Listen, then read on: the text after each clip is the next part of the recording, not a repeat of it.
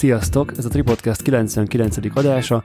Én Varga Benedek vagyok. Én Lénárt Gábor. Én pedig Láng Péter. Az adást a Fujifilm, a Tripont és a Patreonosok támogatták. És Gábor, milyen örömhírrel szolgált neked Jancsi Jani az legutóbbi adás után? Hát azzal a jó hírrel szolgált a legutóbbi adás kapcsán, hogy meghallotta, hogy imádom ugye a Bamba Marhában az amerikai burger szószt, hogy a hét végétől elvileg, vagyis hát hogyha már hallgatjátok ezt az adást, akkor már elvileg az összes Bamba marhában kipróbálható a burger szósz, tehát hogyha eddig volt egy Bamba marha helyed, mondjuk, az Octogon, vagy az Astoria, vagy bármi, és nem jártál még a Deákban kipróbálni a, a perfect szószt, akkor, akkor most, már, most már bármelyik Bamba marhában ki lehet próbálni, sőt, elvileg majd lesz egy ö, új burgerük is, amiben lesz ez az amerikai burger szósz, szóval ez nagyon jó hír. Én Janinak csak annyit mondanék, hogy a burger is alapvetően három dologból áll, ugye a tökéletes zsömléből, a nagyon finom húsból, és, a, és az kiváló arányú saliból. Most mi három még, ugye? Mm, valaki a harmadikat nem a salira mondja. Mit, hát, mi a harmadik? A szósz? Hát a szósz vagy a sajt, attól függ, igen. Én csak arra gondoltam, hogy a Tripodcast ez egy tökéletes burger név lenne, hiszen ez is hármas egységről szól. Hát mondjuk azért egy jó burger azért nem több mindenből áll, mint három dolog. Szerintem is egyébként. Na. Miből áll a jó burger? Hát ja.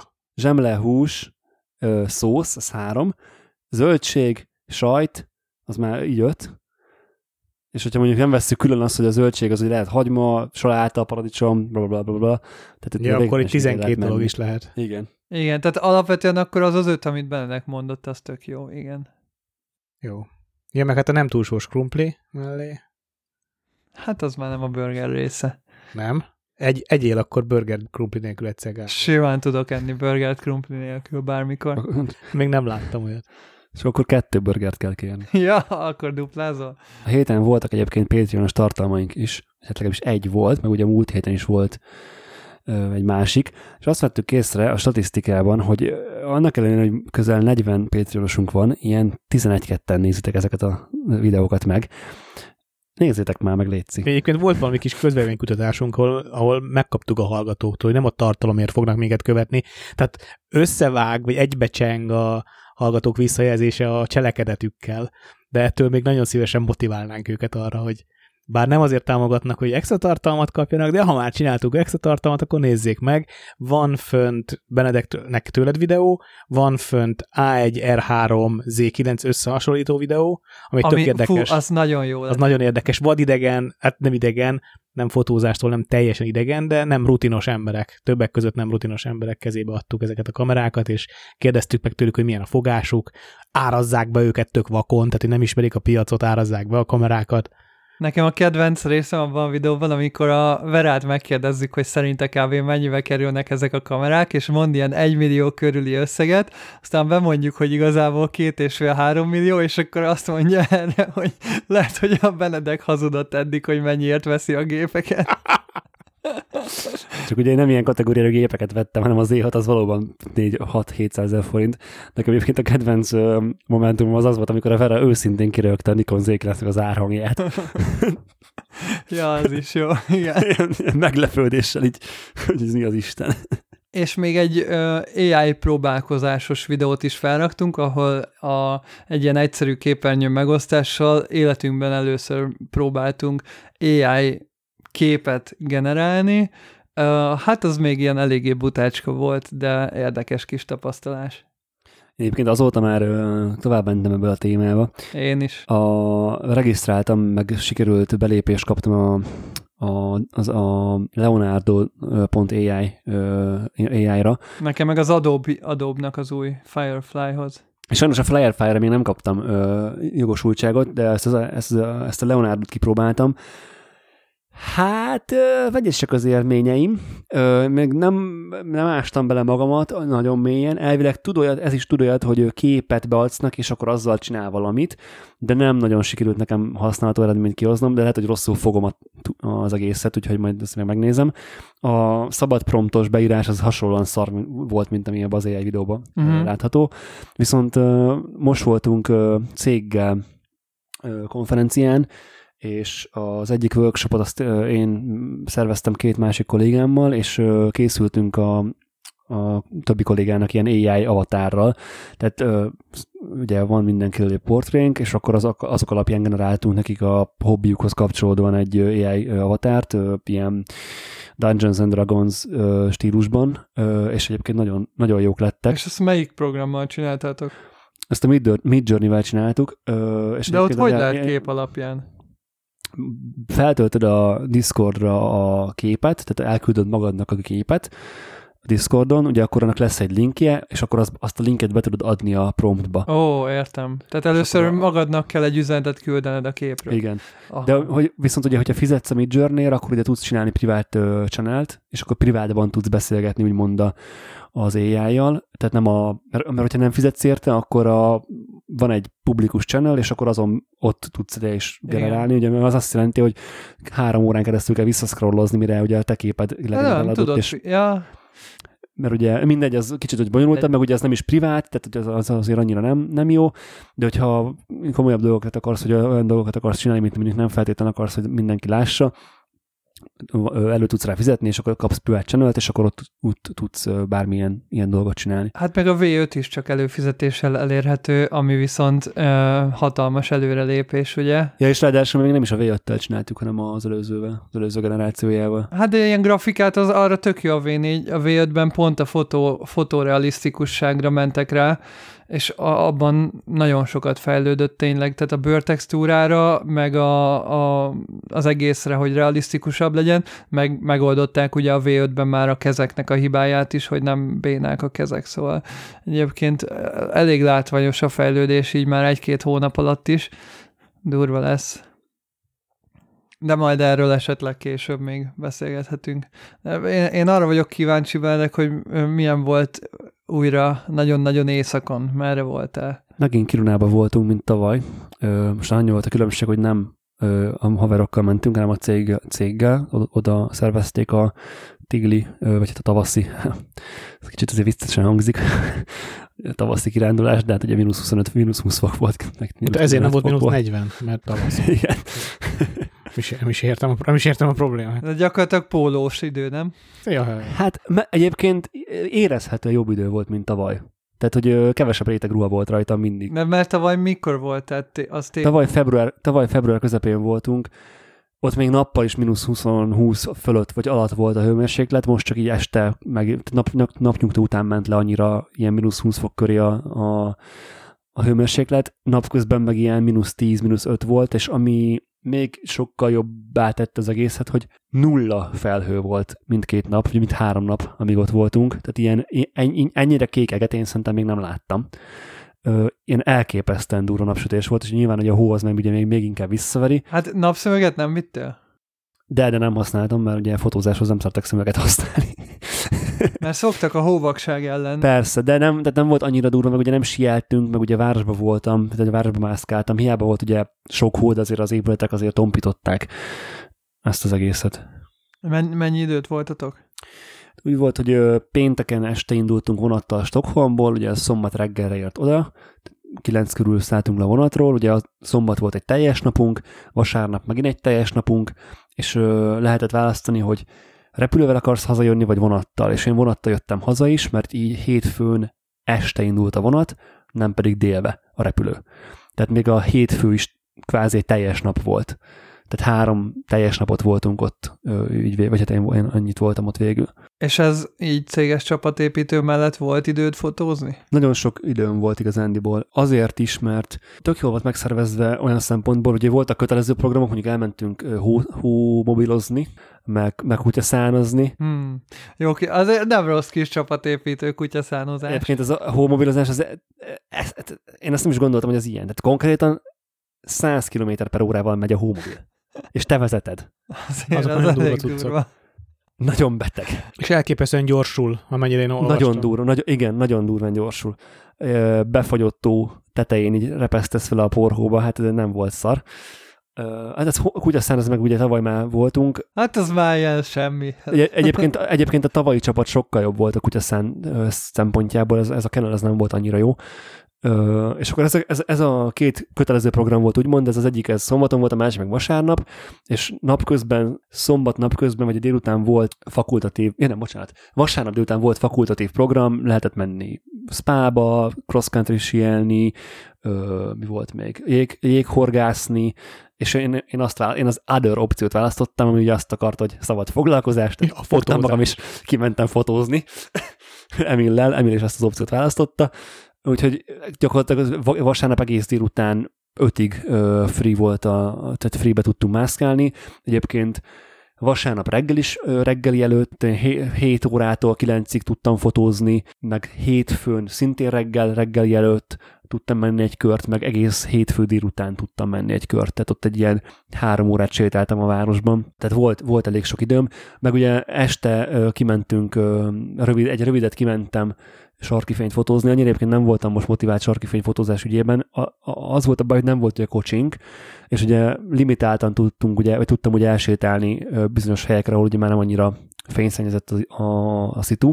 Az volt a szerencse, hogy a szállásunk az a városnak a legszélén volt, és ráadásul az északi legszélén, és a szállás mellett volt egy ilyen cross-country sípálya, meg, meg homobil út hálózat igazándiból, és akkor azon így egészen jól ki lehetett menni az erdőbe, meg ott ugye nem is volt már világítás, és hogyha már elci- elcipeltem a nagyobbik Manfrotto állványomat, akkor azért lőttem egy-két képet a, a sarki fényről, de nem igazándiból nem, ö, nem azért mentem úgymond, vagy nem, nem voltam annyira extra motivált a sarki fény. Durva, hogy a nagy, nagy, nagy Manfrottót vitted.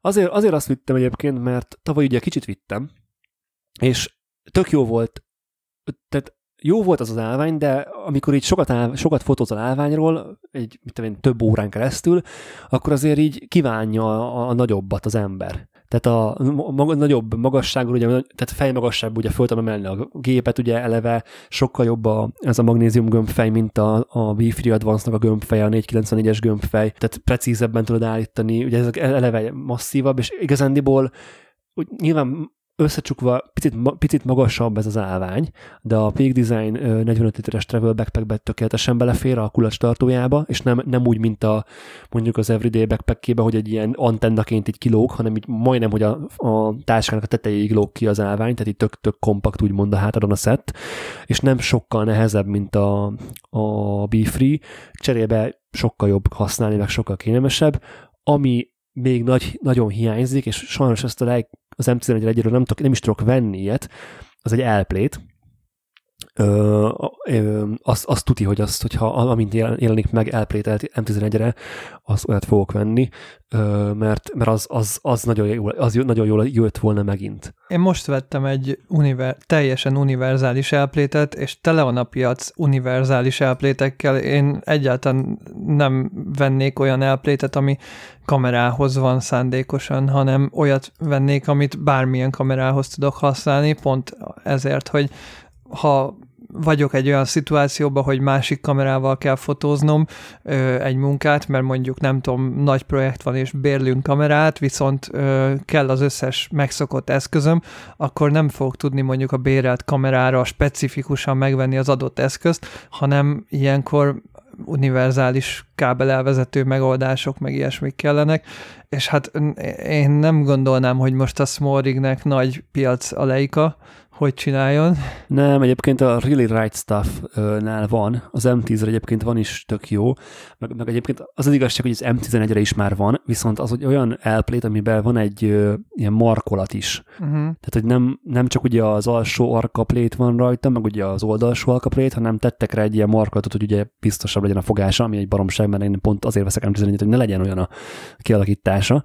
És az M10-hez volt olyan elplétje az RSS-nek, ami, ami nincs rajta ez a markolat, és abban reménykedem, hogy vagy, vagy ez a Really Right Stuff, vagy pedig egy másik gyártó, akár egy kínai gyártótok, mindegy, gyárt egy olyat, ami, ami nincs és akkor az, az jó lesz. Mondom, az Amazon tele van olyanokkal, ami, ami ilyen univerzális, és akkor nekem például, a, ami cél volt, hogy semmi más nem kell az Airplate szempontjából, hogy nem kell, hogy ugye, hogy markolatot adjon, meg ilyesmi. Én ezt nem fogom fixen a kamerán tartani, mert használok portré markolatot. Én ezt csak akkor fogom használni, amikor a tárgyfotós vagy épületfotós dolog ezt kívánja. Ugye a fogaskerekes állványomon, hogyha el akarom fordítani a kamerát ö, függő, tehát hogy portréállásba, akkor onnantól limitálódik a mozgás ugye a kialakítása miatt, és Igen. alapvetően a Hát meg fogaskerekes az egész. Hát Tehát igen. A, a, a súlypontja nem jó, semmi. és nem tudod rendesen Igen. beállítani.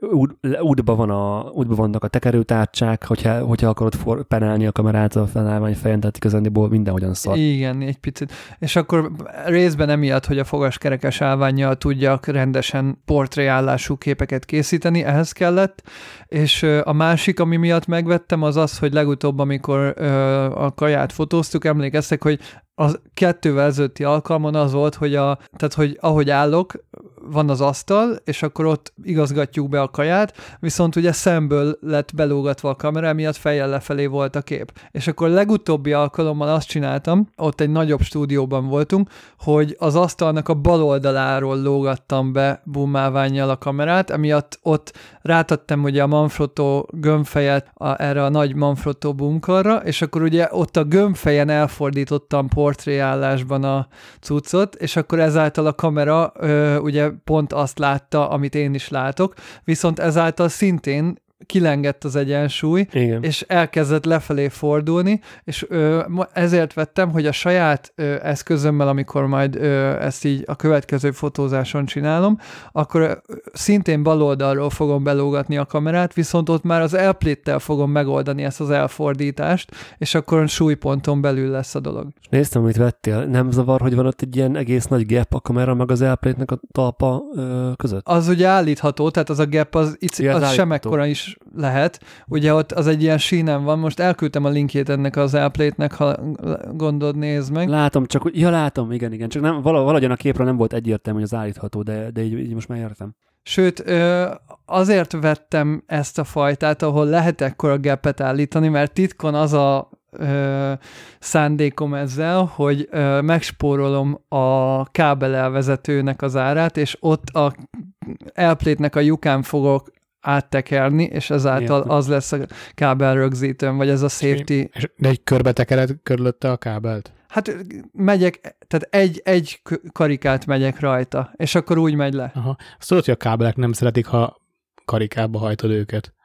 Hát nem kell szorosra húzni. Na de várjál, és ezért vásároltam olyan ö, tetőrkábelt, ami nagyon-nagyon picire lehet ö, hajtani. Nem a tetőrtúlzos, ilyen nagyon kemény kábelt vásároltam, hanem olyan ö, optikai kábelt, amit viszont lehet hajtogatni nagyon-nagyon-nagyon-nagyon picire is. Na jó van. Mondjuk az optikai kábelt, azt pont nem nagyon szokták picire hajtogatni. Na, de e, és pont ez, a- pont ez benne a lényeg, Sok múlik azon, hogy milyen sűrűn használja azért Gábor. Tehát azt mondom, hogy havonta egyet fotóz nem, vele. nem csak azért, mert eltörik, hanem mert a, ugye nyilván fény terjed a kábelben, és hogyha túl meredek a szög, akkor az ott lassulhat az adat. Neki megy a sérülhet. kábel falának, nem tud Igen, gyorsan igen. kanyarodni, mint a kábel. Hát nem gyorsan, nem kanyarodni nem tud, hanem úgy, úgy verődik vissza, hogy ez nem jó. Hát mutatom, mutatom ö- 5 mm-es minimum bending radius-t mutat a cucc, és 18 ezer plusz bending teszt van. Elpakoláshoz, de nem használathoz. Gábor egyébként a megoldás az arra, hogy nem kell szorosra húzni ott a kábelt, hanem itt Persze, 10 centis lazára súrkot húzom. hagysz neki, azt jó napot. Ezt a, ezt a kábelt is légy linkeld be nekem, meg a sónocba is belinkelheted. Eleve a gyári megoldása is a kameráknak, ugye az a kábel rögzítő, amit Peti mondta, hogy most éppen kidobta, ott is, ott, ott is az a lényege, hogy egy nagyon pici rádiuszban meg van hajlítva és vissza van húzva. A Nikoné az nem olyan, a Nikoné az olyan, hogy ráhajtasz egy kis ajtócskát, és akkor az egyenes kábelt megfogja. Uh-huh. Hm. Érdekes, érdekes. És épp ez a lényeg, hogy ne törje meg a kábelt, az a funkciója, hogy kijön a gépből a kábel, Ja, ja, ja. és így ráfog Canoné az megtöri, Canoné az megtöri. hogy- ne, ebből is látszik, hogy a Nikon mennyivel fejlettebb kamerarendszer. Igen. Egyébként pro tip, hogyha kábelt kerestek, érdemes, eh, én rákerestem az Amazon, hogy tetőr kábel, és akkor csak a tetőrtúznak a eh, kábelei jönnek ki, de nagyon nehéz USB-C-s kábelt találni, ami 3 méter fölötti, vagy akár ilyen 4,5 méteres. Ha tetőrkábelre keresel, akkor nem is találsz más, csak a tetőrtúznak a kábelét. Viszont pro tip, hogy érdemes rákeresni ö, úgy a kábelre, hogy VR vagy Oculus Quest kábelt keresel, mert ott is USB 3.0-as vagy 3.1-es 5 gigabit per szekes kábelről van szó, és az a lényege, hogy ott az ugye arra van kitalálva, hogy a tévé mögött a plafonon átviszik, elvezetik, a kábelt, és akkor felülről jön a fejedre a kábel, és ott csatlakozik a VR headsethez, ezáltal szabad mozgást eredményez, és e- ehhez kell ugye a hosszú kábel, és a nagy átviteli sebesség, és annyival tud többet ez a kábel, amit én vettem a Tether Tools-nál, hogy ez töltőkábelként is funkcionál, tehát tölteni is tudja a VR headsetet, meg a laptopodat is, vagy bármit, míg a Tether az csak adatkábel, nagyon kíváncsi leszek, hogy mit tud. Hát, én is rámegyek valami hasonlóra. Visszatérve még a Kirunához, lőttem azért egy-két képet, mert azért, tehát hogyha már elcipeltem az állványt, szar, ö, a, tehát ilyen középszerű auróra képek nélkül azért nem jövünk haza de egyébként nem volt annyira erős most az Aurora, mint tavaly. Tehát tavaly vagy jobb helyen voltunk, vagy jobb volt az időszak, de most ilyen közép erős volt kb. Viszont mindkét nap látszott megint, tehát hogy az, az olyan szempontból tök jó volt. Na hát én nagyon kíváncsi vagyok, hogy milyen képeket lőttél, mert eléggé offline volt az utóbbi pár napban, szóval reménykedtem, hogy fotózással töltöd az idődet. Nem, tényleg mondom, ami nem konkrét céges program volt, ami a vacsora, workshop, vagy ilyen céges progi volt, az ott, ott tényleg fotóztam. Egyébként Emil tök jó partner volt ebben, mert ő meg, ő meg videózott, és tök, tök jókat sétálgattunk. Egyébként tehát a klasszikus Benedek jellegű fényképeket várhatott tőlem, csak megint hóba. Mm. Tehát, hogy kicsit nagy, több hó lesz az épp házak előtt. jó. Ami, ami, ami egyébként megdöbbentő, megdöbbentő volt a városban, hogy szerintem ezt tudjátok, meg ezt biztos mondtam tavaly, hogy, hogy a bánya miatt költöztetik a várost. Tehát ott van ö, egy ilyen brutál nagy ö, vasbánya van Kiruna alatt, és ez ilyen szemmel látható százalék a, a svéd, svéd GDP-ben ennek a, ennek a bevétele, és hát a, a következő feltárási terület az a város alatt van konkrétan. Kínos. Ugye, ami ugye azt eredményezi, hogy egy-két év múlva a város hely, helyén egy lyuk lesz. És emiatt már tök rég, ezt már évek, évekkel ezelőtt elkezdték, meg nyilván ezt tudják, és egyébként ez nyilván megírja, megírja a bánya, bányás szégnek, tehát az ott lévő lakásokat megveszik tőled, jó, tehát jóval a piaci ár fölött, és az új város részben meg tudsz venni egy másikat abból a pénzből, vagy akár más, bárhol máshol, hogyha nem akarsz többet Kirunába lakni, és amikor szerveztük a kirándulást, kérdezte tőlem az irodavezető, aki, aki szervezte a helyszíneket, meg hogy hol fogunk reggelizni, meg ilyenek, hogy ö, tudok-e valami jó reggeliző helyet a városba. Mert hogy ugye én már voltam ott, és akkor mit én ajánljak valamit. És akkor volt is egy tök jó, ott reggeliztünk majdnem minden reggel, tágas volt, tök jó volt a kaja, minden, tehát perfect hely lett volna a cégnek, és ugye a Google-ön így az volt kírva, hogy be van zárva. És hogy nem, nem is értettem, hogy miért, hát tök jó hely volt, hát csak nem ment csődbe, vagy mit tudom, fogalmam is, ez egy off-season, és akkor miért be van zárva, nem tudom. És hétfőn, amikor sétálgattam a városba, akkor egy ilyen lezárt, ö, a belvárosnak egy ilyen lezárt részére értem, és kiderült, hogy azért van bezárva az az épület, mert már bontják. Tehát, hogy így az, tehát az egész belváros, itt tavaly, egy évről beszélünk, egy ilyen szellemváros volt kb. Alig voltak emberek, alig voltak kocsik, nem, tehát nem minden épület volt még bontás alatt, de volt sok épület, aminek meg ki voltak szedve az ablakai. Láttam olyat, hogy tehát konkrétan, amikor ott sétáltunk, akkor ilyen gépek konkrétan bontották a tetejét a házaknak, de ilyen, ilyen full, rend, full új házak, tehát ilyen nem, nem ilyen leszak a lepusztult izé, viskókról beszélünk, hanem ilyen rend, a nagykörötet bontanák kell, úgy képzeld el, csak ugye nem olyan, nem téglaépületekről beszélünk főleg, kegyetlen volt látni. Tehát ilyen nagyon, nagyon megdöbbentő volt. Viszont a, az összes ember, akivel beszéltünk erről, tehát akik ott élnek, a guideink, meg a, a hotelben az emberek, vagy a, akik kutyaszánnal vittek minket, meg ilyenek, így az, az jött le róluk, hogy ez ilyen egyöntetűen egy el van fogadva, hogy ez így tök jó. Mert hogy tudják azt, hogy tök fölösleges hőbörögni, meg hőzöngni, meg, meg hisztizni ezen, mert hogyha nincs bánya, akkor nincs város, és nincs turizmus, és nincs neki kajája, nincs neki fizetése, és ott az új város, el lehet menni oda költözni. És tök, tök fura volt. Jó, de olyan összeget... Hát én pont ezt akartam mondani, nem csak, hogy olyan összeget. Nyilván. Nem csak, hogy olyan összeget kaptak, de valószínűleg egy transzparens kommunikáció van mögötte. Így van, így Nem úgy, mint ahogy ezt más országban elképzelem, hogy Ezért, ezért Csak a vakítás. ezt. Tehát, hogy Igen. nyilván, hogy könnyű belátónak, meg jaj, de okos a nyugati ember, tehát, eh, vagy az északi ember. Hogy az újonnan épülő nagy, új, új városrészbe kapsz egy tök új lakást, vagy házat. Nyilván a részletek, azok nyilván az ördög mindig a részletekben rejlik, mert, Persze. mert nagyon sok olyan dolog lehet, ami hogy köt, kötődsz a házhoz, ott születtél, ott születtek a nagyszüleid, mi, tudom én mi van, tehát nagyon sok. Azért az, hogy a városodból egy lyuk lesz, egy, tényleg egy bánya lesz, azt szerintem sokaknak okozhat ilyen PTSD-szerű valamilyen traumát.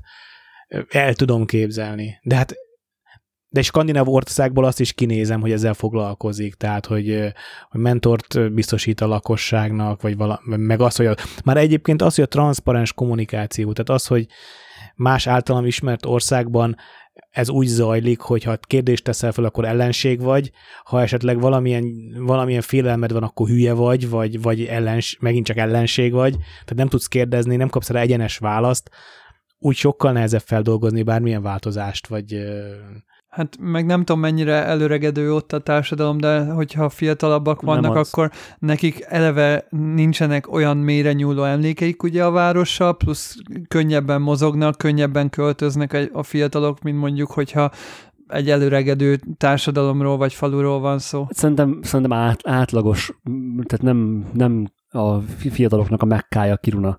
Hát jó, Tehát, azt ö, mondjuk gondoltam, hogy nem, a, nem olyan, mint izé, Berlin, hogy a technobulik mennek minden nap, és izé, meg fashion főváros, mi Gábor? Ne, ne így kép, nyilván nem. de csak kabát fashion, kabát és sapka Igen. fashion van ott. Igen, tehát hogy azért tudjuk, hogy tehát nyilván nem egy Berlinről van szó, de hogy az volt a meglepő igazándiból, csak azért hoztam ezt, hogy ezért akartam ezt elmondani nektek, mert hogy, hogy egy negatív reakció, tehát egy, egy, ember szájából nem hangzott az el, hogy mennyire szar volt kö- átköltözni.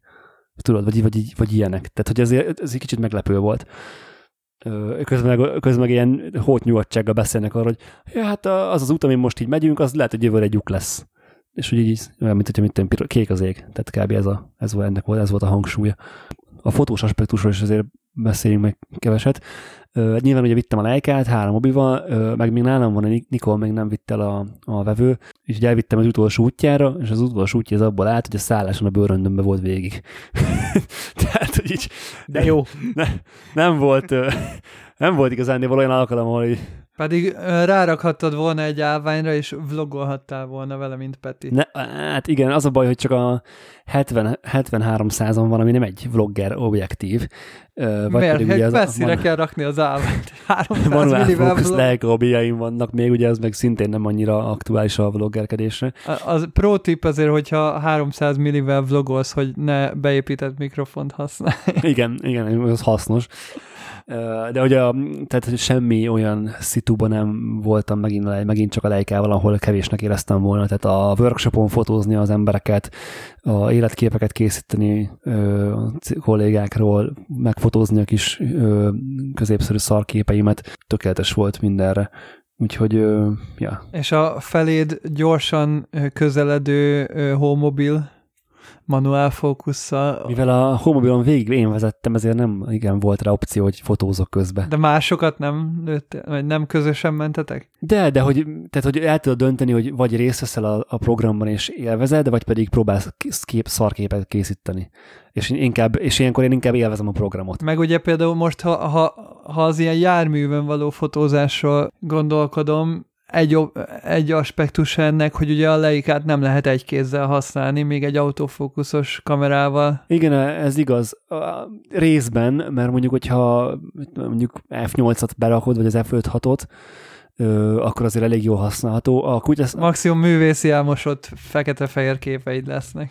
Kutyaszánon egyébként egy-két képet lőttem, F, vagy, és ráadásul nem is F5-6-on, vagy F4, F4 körül, tehát nem is egy ilyen nagyon durva nagy rekeszen, élesek lettek a képek, tehát tök oké okay volt. Viszont tényleg az volt, hogy emlékeztem arra, hogy tavaly milyen képeket csináltam magáról, magáról a szánról, miközben mentünk, és nem ér annyit. Tehát, hogy tök fölösleges ott szerencsétlenkedned, meg szenvedned, még akár egy autofókuszos géppel is. Hát azt, ha már egyszer megcsináltad, akkor az nem volt meg. De nem, nem, tehát, hogy, hogy tehát maga a fotó nem ér annyit, hogy elkészítsd. Hát azért Mert, mert magadnak nem lesz jó, emlékképnek minek, szerintem emléknek jó, én meglőném. de ne, de Gábor, én meg megéltem az emléket.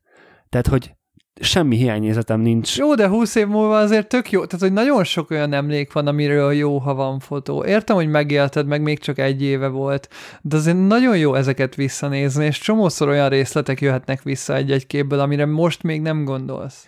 De figyelj, abból, hogy a, amikor ott készülöttünk, ott lefotóztam a kutyákat. Jó, az is persze, ilyenek, az elég. Az bőven előhívja azt, hogy jaj, utána meg fölöltünk rá, és tök jó volt. Tehát, hogy onnantól kezdve, hogy most a kollégáimról van öt képem, miközben megyünk a szánon, jó, persze. És tökre nem, egyébként nem is volt nagyon, tehát még, még hogyha ha le autofokuszos egy kézzel kezelhető gépen lett volna, és nagyon kényelmetlen lett volna, mert én ültem leghátul a szánon, és az előttem ülő ember az így teljesen nekem préslődött, nagyon kicsi volt a szán. És gyakorlatilag a kezemet alig tudtam kivenni a melkasom elől. Tehát borzalmasan kényelmetlen volt a, a, az egész. Tehát, hogy mindegy. Tehát, hogy ez ilyen, ilyen szitukban én ezeket el, elengedem, és inkább arra figyelek, hogy milyen szép a naplementem, miközben húznak a kutyák, és nem azon, hogy legyen egy fos képem róla. Amúgy a Leica-nak az egykezes autofókuszos, könnyű kiegészítő gépe az az X100V, nem? Akár. Vagy a Q. De azt nem, ja, oké. Okay. Jó, igen, a laikás embernek hát nyilván. Próbálkozzál, csak próbálkozzál. Lehet próbálkozni, de így is úgy. Na, én most sokat gyára azt látom, hogy Peti random fotózgat. Mi a helyzet, Peti, működik a tethering? Na, kipróbáltam a Nikonnal két Tether programot is. Az egyik az a, az új NX Tether nevű, amit a Nikon, a Nikon kamerákhoz ajánl. A másik pedig a Tether Tools-nak a mi a neve ennek? Smart Shooter 4. Smart Shooter Azt is 4. kipróbáltad? Azt is kipróbáltam, és hát Nikonosok még mindig nem tapsikolhatnak, nem örülhetnek még egyelőre, mert hogy a Smart Shooter 4 az tök stabil, kihúzod a kábelt, bedugod a kábelt, és megy tovább. Ugye összekapcsolódik a számítógéppel a kamera, lősz, lősz, lősz, kihúzod a kábelt, nyilván nem tudsz lőni, de hogy visszadugod a, tet, a, a Tether Tools-os Smart Shooterbe, egyből újra megtalálja a kamerát, és egyből tudod folytatni a munkát. Ez egy aksi cserénél, egy kirugott kábelnél tök praktikus. Na most a Smart Shooter sajnos nem támogatja a képek visszanézését, bár be lehet állítani végre, hogy, hogy kártyára is mentsen. De sajnos a kamera maga nem engedi visszanézni a képet, amikor a Smart Shooter csatlakozik. Tehát menti ugyan a kártyára is, és a számítógépre is, tehát megvan a duplikáció, ami korábban nem volt mondjuk Lightroom és Capture van használat esetén. Ez erőlelépés. Van a Nikonnak a gyári programja, ami a Tether, Tether, Tether hivatalos Tether program. NX Tether. NX Tether a neve, köszönöm. Ö, ott van visszanézés, úgy, pontosan úgy, mintha nem is lenne bedugva a kamera. Tehát ha azt állítod, vagy egy másodpercig lássad, vagy ameddig lenyom az expo ezek, az, ezek a beállítások ugyanúgy érvényesek, viszont ez meg nem stabil. Ahogy kihúzom a kábelt, elveszíti a kamerát, ez eddig normális, visszadugom a kábelt, és nem jelenik meg újra a kamera. Ekkor szeretném kikapcsolni a programot, hogy újraindítsam, és akkor viszont lefagy. Oh. És ezt megcsinálta egymás után ötször. Tehát, hogy nem, nem stabil a program sajnos, és utána az újraindítása is problémás. Nem tudom, ismeritek-e azt, amikor elindítasz egy programot, és már ráklikkeltél, hogy elinduljon, már jelzi, a, tehát a tab, a command tabbal már ott van a program, a, a futó programok listájában, de még nem aktív, tehát még nincs meg az ablak, nem, nem tudsz, nem jelenik meg. És sajnos az, a legtöbb újraindításnál az volt, hogy, hogy újra ki kellett force quitolni, ez a, ez, ez a amikor erőlt, erőltetetten kilépsz, és a Mac-nél, Mac-nél így bezárod erőltetetten a, a programot, és újra kell indítani. Tehát a, sajnos a Nikonnak a gyári NX Tether programja nem, nem, nem stabil. Arra nem jöttem rá, hogy hogyan kell wireless csatlakoztatni, mert nem találtam ilyen beállítást, majd ennek lehet, hogy jobban bele kell menni, bár azok után, hogy ez egy ilyen kis bénás dolog, nem tudom, hogy érdemes-e vele foglalkozni legalábbis a Canonból kiindulva a wireless csatlakoztatást azt nem a szoftveren belül kell csinálni, hanem az például nálam úgy van a Canonnál, hogy hogyha például offline vagy kint a helyszínen, akkor a kamera csinál egy saját wifi hálózatot, és arra a wifi hálózatra csatlakozol a laptoppal. Ja, ja, ja, ja, ja látom, ilyet, ilyet lehet, aha.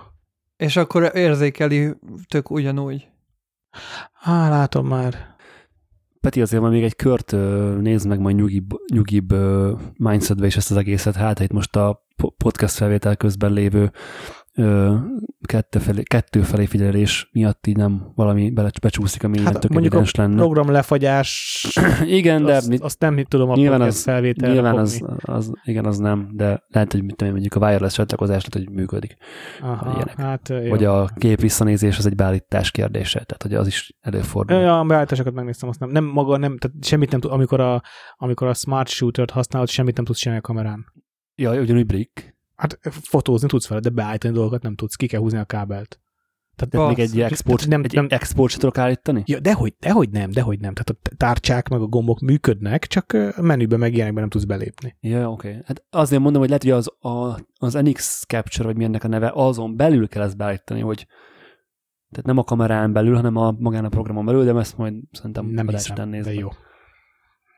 Ötlet. Na szóval ennyi van update így Nikonos Tether kapcsán, úgyhogy egyelőre ezt még nem, nem érzem megoldásnak, és azért is vagyok szomorú, mert lesz a jövő héten még egy olyan meló, amit Gáborral együtt csináltunk két hete, kicsivel kevesebb embert fogok fotózni, és nem kért retusálást a cég, csak azt kérte, hogy szépen bevilágítós, szépen, szépen leeditált portrét küldjek át, retust, tehát bőrretust nem kért, de hát így is nagyon kemény lesz, mert reggel 8-ra megyek, és 10 percenként egy ember. Egy pici- picit kevésbé lesz szofisztikált az anyag, tehát hogy kicsit dar- darálósabb lesz. Javasoltam, hogy én úgy nem kérek plusz pénzt, inkább csináljuk meg szépen, mert hogy elértük a tárgyalások során azt a, azt a, azt a plafont, amennél már nem lehet többet kérni náluk, tehát hogy ők ezért nem hajlandók többet fizetni. És akkor felajánlottam, hogy jó, akkor nem, ne legyen dupla pénz, ne legyen több pénz, de megcsinálom inkább két napban, csak legyen 15-20 perces intervallum az emberek között, hogy egy jobb anyagot tudjunk lőni, és azt mondták, hogy nem, nem, nem, valami 30 városból jönnek, jön 36 ember. Egy napra, aznap van valami dolguk ott az irodába, és ezért így, így oldották meg. Akkor lehet, hogy nem ezzel a fotózáson tesztelném a tether, tetheringet. Nem, nem, nem, amúgy nem is, igen. Lehet, hogy nem érdemes. Lehet. De figyelj, addig még van egy hetem, és ha kiderült volna, hogy teljesen jól működik, akkor ad- adtam volna neki egy esélyt, de meg akkor elmegyek nyilván a tripontba, gyorsan veszek egy, egy Tools kábelt, mert az most nincs. Azért Tudsz is nincs. is onnan egyébként. Tényleg? Hát én, jó, jó, majd meglátjuk. Ha már tethering, mesélek arról, hogy legutóbb, amikor csináltuk ezt a kajás fotózást, volt néhány tapasztalatom a tetheringgel. Az egyik, hogy a stúdióban volt ugye ez a 4,5 méteres Tether Tools Pro kábel, és most használtam először kábelt, eddig mindig vezeték nélkül használtam a, a tetheringet, mert így belefért az időbe, meg oké okay volt. Az egyik tapasztalat, hogy azért elég sok időt spórol a kábel, ugye? Surprise. Igen, ez volt a surprise. Igen, hatalmas nagy releváció. Hány másodperc még megjelenik a kép? Emlékszel rá, vagy nem, nem mérted le konkrétan? Én most megnéztem, és a, a, find, a Finderbe, a Mac-en a Finderbe ilyen két másodperc körül jelenik meg a fotó, és onnan még három másodperc a Lightroom auto import. Tehát olyan öt másodperc még a Lightroomba bekerül. Hát annál picit ho- hosszabb az import Ha. nálam. Ö, M1-en? Lemértem M1-en? egyébként. Aha. Igen, igen, Bocs, igen. még annyit hozzátennék, A hogy a Capture van ez sokkal gyorsabb, mert ott úgy van, hogy ott, ott sokkal dirrött szinte azonnal meg. Ott azonnal megjelenik, ha megjelenik a mappában. Igen, ezt vettem észre én is, sőt, a Capture One-ban, és ezt legközelebb majd be fogom dobni, hogy lehet olyat is, hogy berakni egy overlay-t, és ugye úgy tudnánk fotózni a tányérokat, hogy a csomagolás már körülötte van, Ó, a kompozíció. és az nagyon király lenne, mert látod, hogy hol van elvágva, látod a kompozíciót, csomó mindenbe segítene, ugye? Tehát rá lehet rakni egy ilyen... Igen, ezt ugye szokták használni címlap fotónál Igen, nagyon igen, sokszor. Tehát e- ez, ez tök jó dolog a Capture One-ban, és tök jól lehet a- alkalma, az opacity-t ö, változtatni. Ami még tapasztalat, és tök érdekes, hogy amikor ö, ugye live view-ban ö, nézed a, a kompozíciót, amikor komponálsz, ugye, és fenn van lógatva a gép, és vakuzol, ugye? Tehát a vakuzáshoz, ha F8-on, vagy hát én F11-en fotóztam, akkor alapvetően ugye, ha a Expo szimuláció be van kapcsolva, ugye fekete képernyőt látsz. Na most ehhez ki kell kapcsolni az Expo szimulációt, hogy lássál bármit is a komponáláshoz, ugye vakuzás közben. Viszont van, hogy a vakunak a beállító fénye ugye nagyon halvány, nagyon kevés fényt bocsájt ki, emiatt tök sötét egyébként a komponáláshoz a Live View fotód, vagy a Live View képed. És a Capture One-ban van ilyen funkció, de szerintem ez csak a one elérhető, mert nekem ki volt szürkítve, hogy lehet külön, és ez a kamerák nem tudják, a Canon sem tudja, de szerintem a Nikon sem, hogy az expo szimuláció, amikor ki van kapcsolva, akkor is tudjon világosabb képet mutatni, és nem a kijelző fényerejére gondolok, hanem a... Az, ex- az expo Expóra, tudja persze. Igen. A fénymérés módosítja.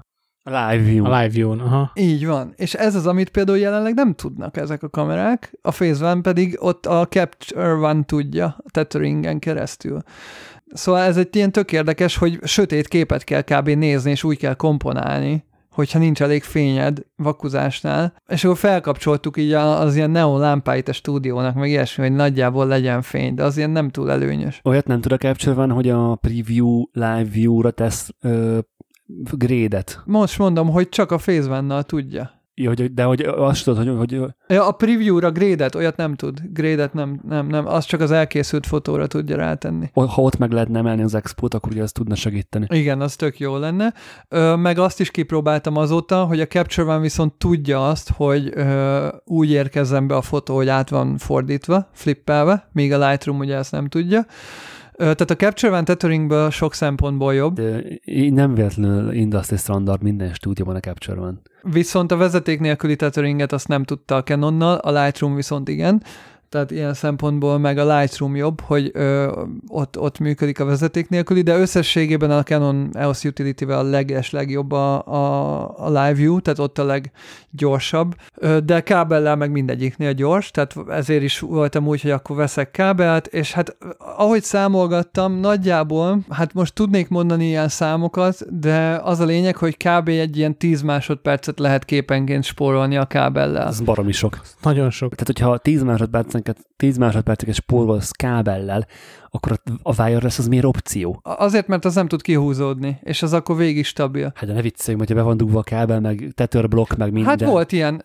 A, a, a tetőrblokk, igen, tehát hogy állványon van, viszont ahogy megmozdítottad a laptopot, annyira merev volt a Tether Tools kábel, hogyha nincsen még a laptopnál és az asztalra külön rögzítve egy csipes szel, amit kellett volna, tudom, sokan így csinálják, én is legközelebb lefogom. Hát meg ugye vannak ezek a tálcák, amin konkrétan kábelvezető ilyen kábel, tehát a Manfrottónak is van ez a tálcája, amit ugye állványra tudsz rátenni, Igen, és tudom. akkor ab- abba bele tudod konkrétan egy, gyakorlatilag egy hasonló tetőrblokkon keresztül rögzíteni a kábelt, és úgy megy bele a laptopba. Tehát az a lényeg, hogy tapasztalat, hogy az asztalra is kell egy csipesz, ami megfogja a kábelt, és akkor onnantól valamennyire tudod izé, de egyébként így is, hogyha picit megmozgatod a laptopot, basszus, picit, ez a hülye USB-C annyira béna szabvány, hogy picit megmozgatod, Jó, melyik nem az Gábor? Tehát melyik korábbi USB szabvány Az nem volt összes, stabil? igen. Mindegyik az.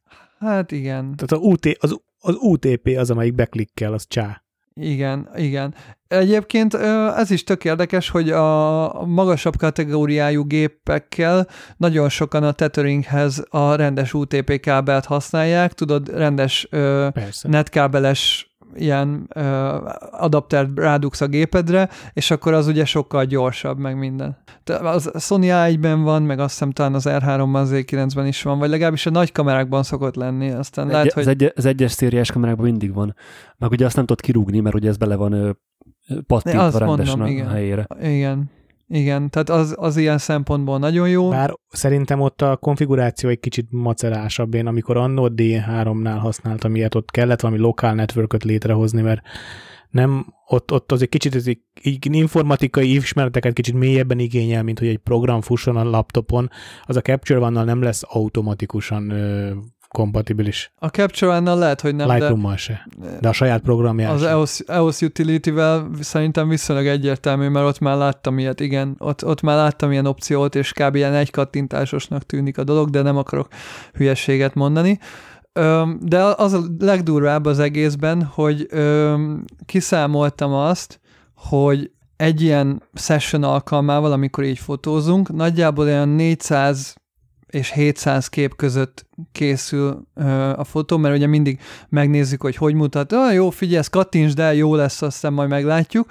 És azt néztem, hogy azáltal, hogyha 400 képnél, ö, vagy mondjuk 700 képnél spórolok 10 másodpercet, az a két órányi munkát spórolok meg, ami azt jelenti, hogy ha a stúdió bérletnek a két órányi árát nézzük, akkor gyakorlatilag az első fotózás majdnem visszahozza a tetőrkábel árát. Nem is értem, miért beszélgetünk a wireless fotózásra ezek után. Tehát Nem értem, mert de nem is csak az, hanem hogy egy 10, 10 jóké legyen 20 fontos kábel árának a visszahozását számolgatott ki, amikor a felszerelési 2-3 millió forint, eleve ezt egy kicsit egy fura kontextus. A másik meg az, hogy amennyiben az a 10 másodperc, az hasznos munkaidő, akkor, akkor megint csak nem értem a kiszámolás. igen. Viszont legtöbbször a tájfotózásnál a két expo között, ha tudod, mit csinálsz, akkor nem vak kattintgatás történik, hanem elkészül a kép, és utána átrendezed, a, mert akkor jó lesz valószínűleg, hiszen tudod, mit csinálsz. Nem mindig az a baj, mert, mert a vakuknak az arányát, meg ilyesmit, azt azért jó lecsekkolni. Jó, de azt egyszer beállítod. És például Igen, de ha mozgatsz. Hát mozgatsz, igen. Mondjuk én nekem csak kajafotóban van igazából tapasztalatom, ha egyszer összerakod a fényt, Kajafotóban utána nem cserélgeted annyira- a tányért a leg- Persze. legtöbb esetben. Persze, ott, ott, nem, ott, ott nem annyira gázos a helyzet, de amikor a, Különösen kaj, lángosnál, igaz Gábor? de amikor a kaját álligatod, ja, igen, ott, ott például csak cserélgettem, igen. Ami, ami még jó volt egyébként, hogy a laptopra ebben a stúdióban rá tudtam kötni plusz egy monitort, ezáltal el lehetett távolítani a workstation-től az ügyfél monitort, mert most ott volt ugye az ügyfél is, és tök jó volt, hogy ki lehetett rakni neki külön plusz egy monitort, és azóta már így utána néztem, mert mindig tetszett az, amikor így tudjátok, egy ilyen C-standre, vagy bármilyen kis vaku állványra rá van téve egy külön monitor, és akkor ül az ügyfél a fotelbe, és akkor nézi, és mindig tetszett az ilyen filmforgatásokon ez a megoldás. És erre találtam egy nagyon jó megoldást, amit a tárgyfotósok, vagy így a stúdiófotósok szoktak alkalmazni, az pedig az, hogy a laptopra tetheringgel, viszont a laptop ugye az a nagy fotózásokon az a Digitech embernek a, az egyetlen ö, eszköze, úgymond, nem, vagy nem az egyetlen eszköze, de hogy oda nem engedi az ügyfél által beleszólást, meg ugye a laptopnak a monitorjáról lehet állítani a fényképezőgépnek a, az expo értékeit, ami, amihez nem akarod az ügyfélt oda engedni, és a laptopnak ugye, hogyha Mac-ed van, akkor a Mac OS-nek van egy olyan funkciója, hogy tudja tükrözni a képernyőt, vagy ki ö, egészíti a képernyőt egy iPad-del, ugye, vezeték nélkül, és ha egy iPad-et rárögzítesz egy vaku állványra, és azt oda teszed az ügyfél elé, akkor van vezetékes, vagy akár vezeték nélküli laptop tetheringed, a laptopra ráköthetsz egy külső monitort, és még vezeték nélkül tükrözheted a képét, vagy kiegészítheted a monitornak a, a, a helyét, és akkor áthúzol egy másik ablakot, amin csak a képek mennek, az iPad-re, ezáltal az ügyfél le tud tényleg ülni a fotelba, a fotózáson is, és iPad-ről nézni a képeket. És ez szerintem hatalmas zseni megoldás. Ja, az, az iPad-es kiterjesztés az egy nagyon jól működő dolog egyébként a megbe. Én, én megnéztem azóta, és a Canon tényleg tudja a kamera to számítógép, az ethernetes csatlakozást, sőt, egy Ethernet hubra rá lehet kötni ö, 10 különböző számítógépet. Fénykép. Fényképezőgépet, tehát az egy számítógéped van, egy Ethernet hubba bedugod a Ethernet kábel, akár 10 méter, 20 méter hosszú Ethernet Switchnek kábel. hívják. Igen, switchnek hívják. Ethernet hubra, Ethernet hubként hiva- hivatkozott rá a forrás, amit találtam. Mert lehet router is azért biztos. Ja, ja, ja. A lényeg a lényeg, hogy be lehet dugni kábellel tényleg a, a Canon kamerákat, és a, a Canon EOS Utility, ez a, ez a, ez a Tether program, ez fogja. Én, én le vagyok döbbenve, én tudom nagyon jól, tehát Kaunis Tominál láttam már 10-12 éve, amikor a Nikon pont ugyanilyen szar volt, hogy mennyire, mennyire kényelmesen fotóz kábellal. Mm, én Továbbra is csak felbosszantani tudom magam rajta, hogyha szóba kerül, úgyhogy én És még egy, még egy ö, tapasztalat, vagyis hát ö, elvileg, amiket így olvastam, nekem sajnos nincs még olyan modern, leges-leges, legújabb Canon Axim, ami támogatja ugye a PD chargingot, maga a fényképezőgépem támogatja, Mondjuk el, hogy ez a PD Hát az USB-C-n keresztül való töltés, vagy áramfelvétel, ez a Power Delivery, és ehhez bár a fényképezőgépem támogatja, de ugye régi akkumulátorokat, meg ugye a HNL akkumulátorokat tettem bele, és nincs még olyan vadi új, hiper-szuper, nem tudom, 60 ezer forintos Canon Axim, ami támogatja a PD chargingot, de ha lenne, akkor elvileg ezzel az új töltőfunkciós tetőrkábellel úgy tudnám rákötni a laptopra a kamerát, hogy az egyben még tölti is a fényképezőgépet. Gábor számolt ki, hogy hány munkaórát kell eltöltened a kábeles fotózásra, hogy visszajön az ára a- az aksinak, és vedd meg, létszik. Nem, egyébként ott konkrétan annyi van, hogy nyilván kihúzom a mar... Egy dupla, ebből a dupla aksi van a markolatban, tehát egész nap megy a live view, és olyan 5-6 órát bír, és akkor 5-6 óra után kicserélem az aksit, mert van elég aksim, és nem egy nagy dolog. Peti, hogyha már így a, elszomorodtál egy a fényképezőgépeken, akkor beszéljünk egy kicsit a Sony az új fényképező, nem is fényképezőgépéről, a videó, fény, videó per fényképezőgépéről. Most már mindegyik videó megjelent. per fényképezőgép, nem? Igen, igen csak ez, ez, ez olyan szempontból videósabb uh, fényképezőgép, nincs hogy nincs rajta EVF, meg a szenzora az 12 megapixeles, mert ugye az adja jól ki a 4K-t, um, és ez egy vlogger kamerának szánja a Sony, és tök jó, mert ez a kamera, mert igazán ez neked is, meg a Gábornak is szól. És ilyen, meg, tehát ilyen, ilyen termék azt mondja, neki nem nagyon szokott lenni. Nyilván Peti neked azért szól, mert ugye vlogger kamera, tehát van, van benne, van a tetején megvitett mikrofon, ami multidirectional, meg tudod irányítani is, tehát nem kéne mondjuk uh, chipit használnod, vagy uh, külső mikrofont. Á, pont ez a chipi, az kell. Hát azért szkeptikus Hallod, vagyok. A Tripontban jártunk a Hasselblad rendezvényen, és nem használtam chipit, mert nem volt nálam, kölcsönadtam a csipiszettemet, persze pont most, és nagyon megbántam, hogy nem, nem volt nálunk. És azóta voltam még egy rendezvényen. Egyébként azt a videót megnézhetitek a... A Hello Peti, Hello Peti YouTube csatornán, nem is jó film, Gábor film. Azt a filmet. Azt a filmet. Hát, azt hú, a... Majdnem 20 perc, az már majdnem film.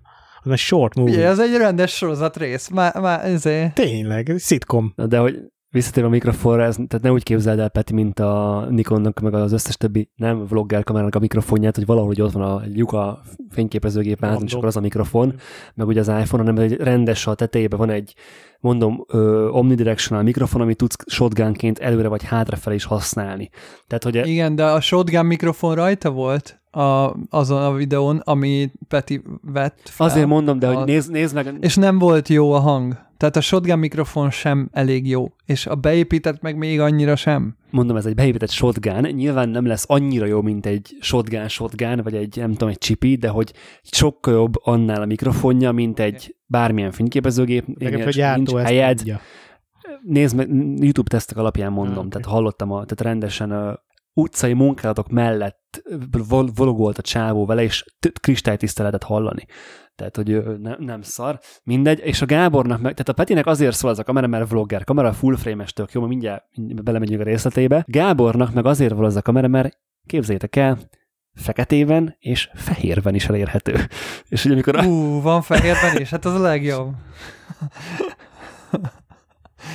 A végre egy full frame fehér kamera. Egyébként imádom az ezüst meg a fehér kamerákat. A Leica, a Leica Q-ból is van a Ghost Edition, azt hiszem. Az annyira durván jó. Egyébként sajnos a ilyen Pentax jellegű fehér kamerára hajasz, tehát nem, nem ez az ilyen nagyon minőségi, szépen megmunkált fehér, legalábbis a fotók alapján. Mint a, mint a Leica Ghost. Igen, tehát nem, nem, nem úgy képzeld el. Egyébként amit a fény, magáról a kameráról kell tudni, ugyanaz a szenzor van benne, mint ami a, az FX3-ban, az A7S3-ban, meg az FX6-ban van. Ö, az A7S3, nem tudom az árát, de az FX3 az 5000 dollár, a váz, az, F, az FX6 az meg így sok ezer dollár, az egy rendes, az egy rendes, cinema, az már nagy rendes kamera. kamera, és ez a kis vlogger kamera, ez meg 2200 dollár, ami, hogyha így... Hát az R6 már kettő ár, nem? Akörül van, de hogyha azt nézed, hogy az FX30, ami ugyanaz, mint az FX3, csak egy APS-C szenzor van benne, az 1900 dollár, így nem is annyira, tehát egész nagyon jól van árazva igazándiból, mert hogy nem, nem elég az, hogy ez a magas szenzor az A7S3-nak a nagyon durván jó 4K szenzora, hanem megkapta az A7R5-nek az AI chipjét, és ugyanazok az AI autofocus funkciók elérhetők benne, mint az A7R5-ben, ami meg szintén egy ilyen 5000, vagy nem, 4000 dolláros kamera. Jó, de az FX30 az APS-C. Mondtam is. Ja, jó, oké, okay, oké, okay, bocs tehát ugye tök jó, tök jól lett ez szerintem árazva, és aki, akinek egy ilyen kis run and gun vlogger, vlogoló, de mondjuk azért szép bíróllokat is megkívánó csatornája van, ahol mondjuk fényel, meg, meg azért így elvárja a képminőséget, szerintem ez egy abszolút jó deal. Meg szeretne esetleg mellé egy olyan kisméretű fényképezőgépet végül is, ahol el tudja viselni, hogy nem kell EVF, meg elég a 12 megapixel ilyen random életképekre. Meg ugye nincs benne mechanikus zár, azt se felejtsük el. Mi? Ó, Igen. Tehát, jaj. hogy... Ö, De stackelt szenzor? nem, nem, hát az á... Hát akkor, akkor Mi? Akkor, felejtsük is- el. De miért napfényben statikus témát, mit nem, mit, miért nem tudsz lefotózni vele? azt le tudsz. Hát, persze. szerintem tehát most, hogy föl kéne sorolnom szitúkat, akkor több olyan szitút tudnék el felsorolni, ahol, ahol jól, tehát hogyha akarok ezzel fotózni, akkor így jól tud jönni, de még egyszer, ez egy, ez egy hát én minden nap golfot fotózok helikopterekkel. Tehát ez egy videókamera, ugye? Tehát, hogy ezt videó first kamera, tehát nem is elvárás, hogy ezt tudjon fotózni, Jó, hogyha igaz. fényképezőgép kell, akkor ott van az A7 R4, A7 A7S, ö, az A7S 3 is egyébként abban rendes, abban van mechanikus zár, szintén ugye csak 12 megapixel, tehát azért a Sony-nak a line tudsz választani olyan fényképezőgépet, ami tud videózni is, meg fotózni is, és fotózni jobban tud, mint ez. Ez, ez specifikusan azoknak szól, akik, akik egy jó fényképezőgép szett mellé keresnek egy jó videós ö, szettet, amivel ki, kiegészítik a, a Tök fotószettjüket. jó bíró kamera. Igen. Meg fellógatni például az olyan tech, vagy bármilyen YouTube csatornáknál, ahol a, mondjuk a, az A7 S3 a főkamera szemből, és akkor felülről veszi a kezedet valami, akkor felrakja a kis kamerát a bummáványra, aztán Igen, csak. ugye ugyanaz a szenzor, hogy fullosan meccselhető a kettő. Egyébként azt hiszem, hogy ezt még dróra is fel lehet simán rakni, mert nincs, tehát maga a váz, az nincs fél kiló. És hogyha egy könnyű objektívet teszel rá, akkor ezek az Inspire drónok simán elbírják. És, Az és menő. ugye ez egy full frame kamerád van egy drónon, ami azért nem szar. Ja, mondjuk az kár, hogy nincsen, a, mint az FX3-nak ö, a tetején is, meg az oldalán is, meg több ponton vannak ö, állványcsavaros rögzítési pontok. Most, hogy mondod a drónosat, tök jó lenne, hogyha ennek a tetején is lenne egy... Ö, Még ez egy kétgyel elég hamar. Hát egy cage az orvosolható, meg ugye ez nem egy, tehát ugye ja, az, az, az, az a tök jó ebben a kamerában, hogy a, volt nagyon régóta ö, jönnek róla rumorok, hogy lesz egy ilyen kamera. Mert ugye a, a Sony-nak eddig is volt az a ZV sorozata, hogy az a, az a tipikusan ezeket a vloggereket megcélzó sorozat, még, még, még ennél is kisebbek azok a gépek. Van, van olyan, ami fixobb is, nyilván zoom fixobb is, meg van, ami cserélhetőbb is, de ott a legnagyobb szenzor is csak APS-C volt, de inkább kisebb. De nyilván egy vlogger, vloggerkedéshez tökéletes volt az a set, pici volt, jó volt benne a beépített mikrofon, lehetett, olyasmi, olyasmik voltak ezek a gépek, mint a, a Nikonnak a Nikon Z30. Z30. Igen, csak annál azért jobb autofókusz teljesítmény, meg így minden szempontból jobb teljesítmény, ö, teljesítmények azok a kamerák. És hogy nem, nem, nem is értettem, hogy, hogy ott van az FX3, ott van az A7S3, amiben szintén ugyanaz ugyanaz a szenzor a mindkét kamerába, és annyi a különbség a kettő között, hogy az FX3 az egy ilyen full cinema ready kamera, az, az A7S3 az meg egy fényképezőgép alakú, de egyébként egy nagyon ö, cinema kamera. Csak ak- hogyha mondjuk akarsz mechanikus zárral fotózni, akkor inkább azt fogod megvenni, nem az FX3-at. Viszont ugye az FX3-nak az az előnye, hogy azt konkrétan mozifilmes rigbe be tudod építeni. Tehát, hogy az egy ilyen, az egy ugyanaz a, tehát teljesen ugyanazt a, az elvet követi a maga a váz kialakítása, mint az FX6, FX9, amik a fullos Venice, a fullos Sony Cinema kamerák. És simán, bele, simán berakható az a kamera egy rendes mozis szedbe. És hogy mi az Istennek kell ez, de hogy azért kell, mert A így van. Tehát, hogy, hogy, ez, hogy azért ne keresd az állványcsatit, vagy az állványmenetet a vázon, mert ott van az FX3, ott azon van állványcsati, az való arra. Ez olyan embereknek szól ez a kamera, akiknek nem kell ö, az, hogy öt kiegészítőt rá tudj tenni a kamerára, mert nem akarod ezt rigbe építeni, hanem rárakod egy Ja. állványra, és szemből videózod magadat, és beszélsz. Mondjuk a f- fotósoknak, ugye most nézem itt, hogy az A7C-nek a formfaktorát kapta, ugye? Kicsit kisebb nála Azt így azt mondja, hogy, hogy azért a fotósoknak jó lenne, hogyha az A7C-t is update-elné a Sony ebben a formfaktorban. Fog, jönni fog az is, egyébként az is a rumorok alapján egész közel van, és a, a, egyébként a belseje az az A7 4 lesz, csak ugye A7 Hát reméljük, nem reméljük, igen. tuti, hogy az lesz, tehát az 100% kb. Ö, csak ugye úgy fog kinézni, mint az A7C. Ö, milyen szempontból szerintem tök jó Sony, hogy nagyon sokféle opciót ad, nagyon sokféle felhasználásra, és még, még, még ha úgy is tűnik, hogy nem logikus, hogy most miért, miért jelentették ezt, most ez nem fogja kanibalizálni az FX3-at. De hogy nem, mert hogy tök más céleszköz igazándiból a két, két váz. A Sony gyakorlatilag minden tekintetben arról híres, hogy nagyon sok opciót kínál, gondoljatok csak az objektív kínálatra, a, a, a rengetegféle kiegészítő van, rengetegféle kamera van. Most azért mondjuk azért megnézném, amikor ezt a három állású kapcsolatot tetején fotóból videóba kapcsolod, és nem az SNQ funkcióra ugrik át véletlenül, mint a... Gábor azért tudna egy 20 percet szentelni ennek egy adás részben, hogy mennyire szar. Nem, az a, az a szomorú ebben, Benedek, hogy a Gábor nekem rohadtul ide igaza van. Tehát az, a, tényleg az, az a X100V-n ugyanilyen tolókapcsoló van, és, és az, hogy nem, tehát igazából ez okosan kell kitalálni, tehát hogyha a single focus és a continue focus kapcsoló két végállása lenne, akkor nem fájna a dolog. Itt is az van, hogy valószínűleg Igen. fotó és videó között fogsz váltogatni, és a videó a középső állás. És abban tök nehéz betalálni ilyenkor, amikor középső a videóállás. Mert Szerintem nem fogsz váltogatni. Ez végig videóban van. Hogy ez, tehát ugye, hogy ez, itt ez a, a fotó ebben azért van benne, mert a, a C100, a Canon C100 is volt fotómód. De minek? Tehát, hogy azért van, hogy legyen mert nem kerül pénzbe, beleteszik a szoftverbe, hogy tudjon egy stílt rögzíteni, azt jó napot kívánok. Tehát ez nem egy, nem egy ez, tehát aki, aki egy ilyen kamerát vesz, az nem akar fotózni, mert, mert, mert ez arra való. Az esetleg arra jó, hogy mondjuk, mondjuk az, én, az, én, az én szituációmat nézzük, hogyha mondjuk ö, ne, vennék egy ilyen fényképezőgépet azért, hogy mondjuk tudjak YouTube-ra gyártani kontentet, vagy elkezd, elkezdenék erre, ezzel ismerkedni, akkor azért tök jó a, a fotó funkció, hogy van benne, mert le tudom fotózni a lejkát a kávézóba, miközben vlogolok és ki tudom tenni Instára. Tehát semmi más haszna nincs ennek a funkci- fotós funkciónak, csak ez. Tehát az, hogy erre fotós projektet ezzel, tehát az teljes baromság. Tehát, Jó, ugye... persze nem. Mi, egyéb, mi az SNQ? Mi az a funkció? Az a slow and quick, az a lassítás, azt hiszem. A, Igen, a, a, a slow Ez az ilyen lassított. Akkor viszont, akkor viszont de, de ez nem csak a, ez menüből is lehet. Na de várjál, de akkor is, akkor viszont a két kamera funkciónak kéne a kapcsoló két végén lenni, és a fotónak középen, a fotót könnyen át lehessen ugrani. Na, mindegy is. E, egyébként vlogba én egyelőre, nyilván negyedik filmnél járok, tehát nagyon az elején, most már Gábor erre fölhívtad a fi- de, de, de olyan leszel, mint Tarantino, hogy csak tíz filmed lesz összesen, ugye? Egyszer véletlenül mondtam, és fölhívtad rá a figyelmem, én azóta ezt most konzekvensen tartom. Szóval negyediknél tartok, és nyilván lófasz tapasztalatom nincs még, de egyébként nagyon elégedett vagyok az iPhone minőséggel. Tehát eh, most a Bergics miatt átraktam 4K-ba, és mindent 4K-ba veszek föl, és 4K lett a videót, és nem tudom, hogy nem tudom, mennyivel boldogabbak a nézőim. Mindegy, egyébként majd, amikor fotó kerül be újra, tehát olyan fotó alapú videó lesz, akkor nyilván lesz ennek haszna, addig nem sok. De, de elképesztő élesi tiszta képük van ezeknek a rohadt telefonoknak.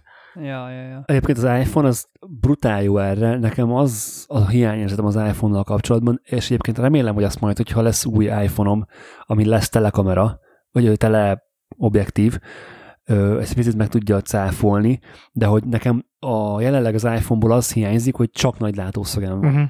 És, és ha akar, akarok, se tudok Moment. ízléses bír, bírót csinálni. Moment. Moment len. Igen. Hát az iPhone 14 Pro Plus Max Extra Giga, azt kell venni. Igen. Hát vagy mondom, moment lencsét rá tudsz hát, De, de az meg macera az, Peti. Tehát az már nagyon-nagyon 2010-es évek. Ha moment lencsét akarok rátenni, akkor inkább veszek egy fényképezőgépet, és azzal forgatok. Az egyik az 50 ezer forint, a másik meg 500 ezer. Tehát így...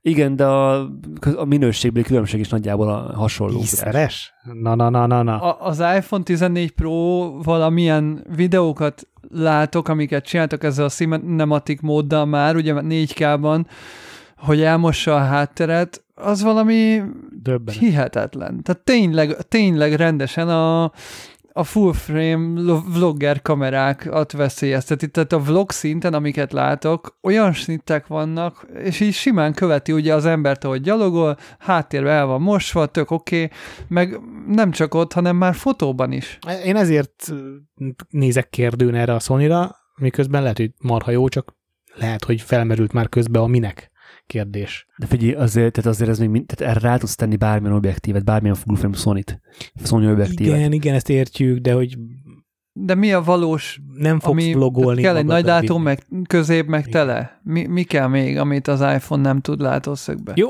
ez, ez egy termék, ezek meg kérdések, ez ki megválaszolja az élet. Tehát akkor ilyen szempontból miért kell Arri kamerával forgatni, miért nem jó a, az iPhone? Tehát hasonló. Ö...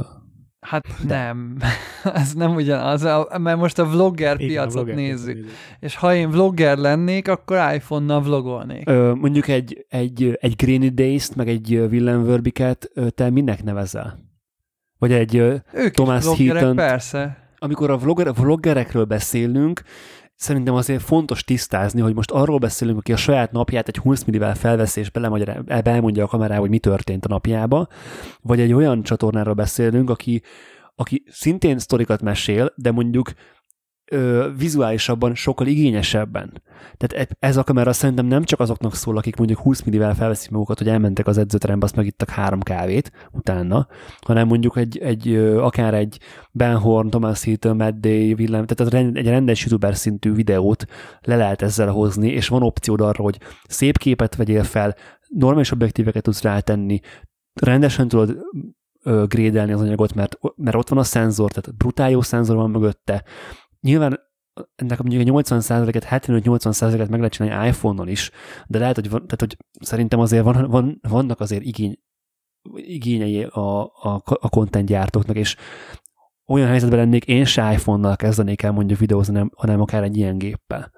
Mert, mert egyszerűen inspirálóbb az, hogy egy rendes fényképezőgépet tudok használni, vagy egy rendes kamerát tudok használni megszokott workflow-ba, mint ahogy a fényképezéssel is, és nem az iPhone-nal videózok, mert valahogy mindig idegen volt nekem az iPhone-nal való videózás. Hát pedig én is pont ezt gondoltam, ezért vettem az EFC-t, sokáig ezért nem adtam el az EFC-t. Sokkal egyszerűbb az iPhone. Meg ez lehet egy generációs gap is, hogy egy idegen még neked a telefonnal való kamerázás, de Á, nem már, dehogy is, hát én- én 40 vagyok, Benedeknek hogy lenne iOS fejlesztőként idegen az iPhone használat? eljötted, hogy egy 18 évesnek sokkal természetesebb az iPhone-nal való videózás, mint Benedeknek. Hogy, hogy nála is, hogy nála, még Benedeknél is tud természetesen. Igen, ezt abszolút megértem. Hát nem tudom, ismeritek-e azt a, nem tudom, TikTok, vagy Facebook, vagy Insta videót, Reels, hogy a, kérdezik a gyereket, hogy mutasd már meg, hogy kell telefonálni, és hogy mutatja így a, így a tenyerét a, a gyerek. És a, a, két generáció idősebb szülő meg, meg máshogy telefonál. Mutasd meg, hogy fotózol, és a, a, az okos telefont szimbolizálja a gyerek, hogy kezével, még egy felnőtt egy kamerát szimbolizál le a kezével, tudom, akkor eljátszott, hogy fotózol egy kezeddel. Tehát igen, ezek az automatizmusok, ezek abszolút élnek és velünk vannak, ez tényleg tök- fontos, hogy, hogy mit, mennyire ösztönösen tudunk használni, ebbe igazad van. De én csak tapasztalatból mondom, hogy tényleg én, én kamerával akartam elkezdeni vloggolni, éppen azért, mert mert komolyabbnak, meg szebbnek, meg esztétikusabb képi világot képzeltem el mögé, viszont az elején az egyszerűség az Az sokat segít. igen. nagyon sokat segít, mert tényleg éveken keresztül húztam, hogy elkezdjem, és végül, végül úgy tudtam elkezdeni, hogy egyszerűen leadtam azokból a, az elvárásaimból, amiket magammal szemben támasztottam, és ellehetetlenítették a kezdést gyakorlatilag. Mert én nekem nagyon sok, eh, nem tudom, ezt mondtam, mert én nagyon sok megkezdett vlog felvételem van, amiből sztorit akartam csinálni, és a sztori közepén ezt veszettem észre, hogy nem bírom csinálni, egyszerűen nem bírom használni az eszközöket, túl sok minden hova kell figyelni. Most voltam hétvégén egy autós világutazók találkozóján, lesz belőle film, de hát ne, sem emlékszem semmire. Semmire nem emlékszem. Végig videóztam, baszki, és semmire nem emlékszem belőle, hogy alig... De várj, akkor ez viszont tök rossz, hogy nem engedi megélni az élményt is. Hát, de hát a fotózás is ilyen valahol. Az is, hát... Hát, ha, ha, hát figyelj, egy, egy tök brain bar előadást hallgatok, a, a, akkor fotóztam, semmi Ja, nincs meg semmi, az előadó. persze, még, hát mikor, semmi nincs. miközben fotózom, én hallom, hogy érdekes, amit mond, és még, még a agyamnak egy kis részlete még akar is rá emlékezni, de annyira koncentrálni kell a melóra, hogy nem. Nincs meg. A Brain Bar YouTube csatornájára egyébként felrakják Igen, ezeket igen. az előadásokat, néztem, és én, én, én hallgattam is vissza. párat, mert pont amiatt, hogy részleteket belehallottam, Igen. érdekel a téma, meg hogy itt van, tudod, ki volt emelve, hogy hú, mekkora sztár, nagyon fontos, izé, megjegyezted a nevet, és akkor meglátom YouTube-on tőle az előadást, akkor már megnézem, és tök érdekes. Láttad a, a vegán, nem vegán vitát? Fú, nem, nem tudom. Hú, az nem. nagyon jó. Hú, azt nagyon brain bar vegán majd versus nem vegán. Hú, az nagyon jó az a vita. Visszatérve még a, telefon versus dedikált vlogkamera kérdésre, például te hogy, te hogy oldod meg azt, hogy lásd a magadat, vagy lásd a képet, amit vesz a kamera? Hogy amikor, mag, Hát szel- amikor magamat amikor filmezem, magadat veszed. akkor feladok Igen. a 4K-ból. Szelvika. Te selfie kamerát Akkor használsz? Ja, De a. Pro azt tudja 4K-ban a selfie kamerát egyébként, az új, a 14-es? Nem tudom, de nekem biztos vagyok benne, hogy a selfie kamera az így jelentősen szarabb. Sokkal szarabb, ez érződik, érződik a vágásokon. Tehát akkor érzem, ér, látszik, amikor, amit például Gábor beszél, a, ott a Hasselblados epizódban Gáborral ketten beszélünk, és szinte végig a hátlapi kamerát használtam, mert én videóztam például Gábort, és ott ketten beszéltünk, és ott, ott, ott nem a hátlapit találtam, használtam az előlapit, és látni a vágásnál, hogy egy szarabb minőség. Egyébként használtam már a hátlapit is magamat filmezni, és egyébként van előnye, mert például, mivel nagylátó, úgy is eltalál. Mivel mm, témakövetéses, megtalálja az arcodat, édes lesz, éles lesz az arcod, ezzel nincs gond. A, amivel, ami, ja, és még egy előnye van, nem keresed magad a képen. Tehát ösztönösen nem akarsz oda nézni, és nem akarsz saját magaddal szemkontaktust keresni, igen. mert tudod, hogy nincs Igen. ott a fejed. Kétszer oda nézel, aztán elfeledkezel róla. Sokkal könnyebb úgy kamerába beszélni, hogy nem figyeled saját magad közbe. Ezt egyébként a, én a Benedek videóiban vettem észre, hogy a legtöbb ember ugye a kijelzőt nézi, amikor selfie módban vlogol, vagy nem tudom, és hogy az tök természetesnek tűnik, és viszont Benedek meg nagyon a kamerával néz, ráadásul pislogás nélkül, és hallod, olyan, mint hogy egy sorozatgyilkos lenne konkrétan. Mint Igen, amikor egy sorozatgyilkosa, nem tudom, elkapott embereknek felveszi a videót, és levetíti kazettán nekik, vagy nem tudom. Nagyjából. Kurva jó. Igen. Legközelebb kazettán fogom elküldeni ezeket a szekciókat neked, Gábor. Speciálba. Jaj, de jó, hogy ezt mondod. Ezt én is akartam mondani, Gábor, csak nem nyilván nem, nem így, de kurva jó, igen, igen, igen. Az nekem is feltűnt, hogy nagyon erőszakosan nézed a, a kamerát. Szóval Benedek, én azt javaslom, hogy nyugodtan nézzél szét bármerre, mert Egy, egyébként Brigi, aki nekünk annó kommunikációs képzést tartotta decemberben, ő, amikor én voltam az, az, az első képzésen, amit ő tartott, ami miatt elhívtalak titeket erre, ott ő el is mondta a bevezetőben, hogy volt egy ilyen része, a, a, az önismereti tréning résznek volt olyan része, hogyha mondjuk 5-6 ember beáll a tükör elé, valami oknál fogva, mindenki magát fogja nézni. Ha két ember selfie csinál, mindenki magát fogja nézni. Tehát az egónk annyira erős, hogy akarjuk nézni magunkat, hogy hogy nézünk ki. Ez, ez sajnos ez ilyen, ez velünk jár. Tehát ez, ez, ez, ez így van. Jó, csak attól, ja, igen, de mondjuk, meg, mondjuk az megoldás, a, hogyha kihajtható kijelződ van, hogy be tudod állítani rendesen a kompozíciót, be tudsz állni a kompozícióba szépen, majd pedig visszafordítod. Persze. Tehát, hogy uh, nyilván ez szerintem azért segít, hogyha látod magadat valamilyen szinten. De nekem azzal nincs bajom, tehát én azt mondom, hogy szerintem tök természetes egy ilyen selfie szituációban, hogyha picit a kamera mellé nézel. Természetes lett. Az az érdekes benne, hogy természetes lett. Jó, hogy természetesen lett, lett. Ja, értem, hogy mit mondasz. Mert hogy régen a kamerában, a, tehát régen a lencsébe kellett nézni, az volt a normális, és ahogy elterjedt a selfie, ez És változott. Most Igen, az az lett a a fura. fura. És, és pont, Aha, hogy zavaró, abszolút. ha nagyon Igen. a kamera, az lencsébe nézel. Én is ezt vettem észre. Magamon is. Az iPhone 14 Pro-nak a selfie kamerája, amit most így utána néztem, valószínű, hogy jobb minőségben vesz fel, mint a 12-nek a hátsó uh-huh. kamerája. Lehet, mint simán a, lehet. Ami, meg, tehát, hogy 12 megapixeles, és tudja az összes módot, ami van, cinematic, meg 4K, 24, 30, minden FPS tud, tehát tök jó szerintem arra, amire kell, és nekem, ha nem lenne ilyen rohadt drága, nem tudom megindokolni, mert nem vagyok vlogger, de nagyon-nagyon szimpatikus a kamera feature szempontjából az iPhone 14 Pro Max, vagy a Pro. Az egyetlen bajom vele az, hogy a, néztem egyébként vele ilyen, ö, töltöttem le egy-két ilyen raw sample fotót, meg ilyesmit, és tök szép, meg minden, meg egész jó, most tényleg nagyon nagy előrelépés ez a 48 megapixel részletgazdagságban, viszont ott meg ugye nincs háttérmosás, és csak a 28 millinél 48 megapixel, tehát azokat a, az AI feature-eket, ami, ami tök szépé teszi a fotót, azokat mindet bukod a, a róból, de hogyha viszont az AI feature-eket használod, akkor meg a színeket, meg a dinamikát bukod, mert akkor meg az artificial, ilyen nagyon HDR-es, feldolgozott, nem túl jó hatású kép lesz. Hát majd az iPhone 16 kijavítja lehetőleg. Ja, ja, ja, ja, ja. Azért szerettem volna erről a kameráról az- az EV egyről mindenképpen beszélni, mert a, amikor uh, ugye az a és sajnos nem ez egyébként kimaradt abból az adásból, amikor uh, ugye a rendszert váltottam, az az adás, hogy nekem tervem már nagyon régóta, hogy megtanuljak rendesen videózni fényképet, tehát hogy szépen videózni fényképezőgéppel, vagy hát nem fényképezőgéppel, hanem milcekkel, vagy nem tudom, az ilyen, ilyen jellegű gépekkel.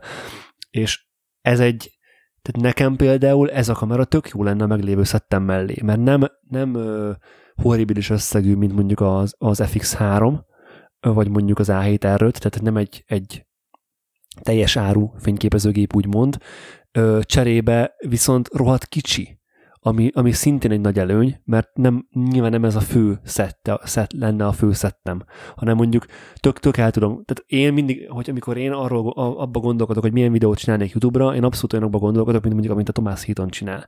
Hogy elmegyek valahova, vagy egy, egy, egy ilyen scriptelt videót csinálnék.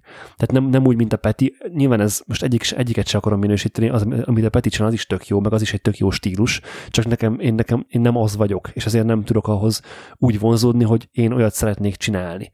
Ö, hogy, tehát, hogy, hogy mondjuk spontán elmegy, elmegyek valahova, és akkor ott beszámolok az eseményről, nekem az, én tudom, hogy ez nekem nem menne. Hát nem is könnyű. Ö, nekem igen. könnyű, nehogy azt hidd.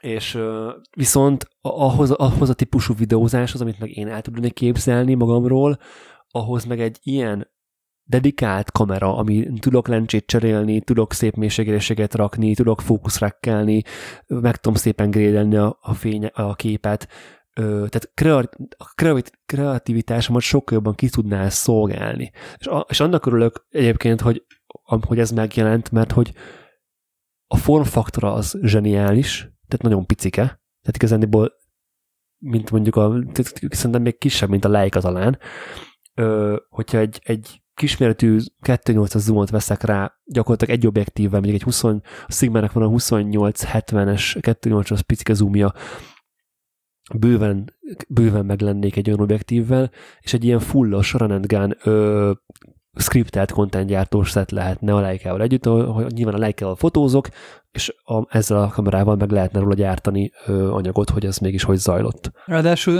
azt nézem, hogy tök nagy előnye ennek a gépnek, ami sem a Canon, sem a Nikon nem tudott meglépni, hogy a kisméretű váz ellenére a nagy akkumulátort rakták bele. Igen, igen, igen, igen, igen. Ez, ez Mondjuk van már némi tapasztalat a sony a, a videós... A rossz aksikkal. Hát nem is nem gondoltam, hanem a videós kamerák gyártá. Tehát a videó, tehát abban van tapasztalatuk, hogy a kameráikat elsősorban videóra használják, nem pedig fotóra. Vagy ha nem is elsősorban, de, és arra kell az nagy, legalább nagyobb arányban, mint a többi márkánál.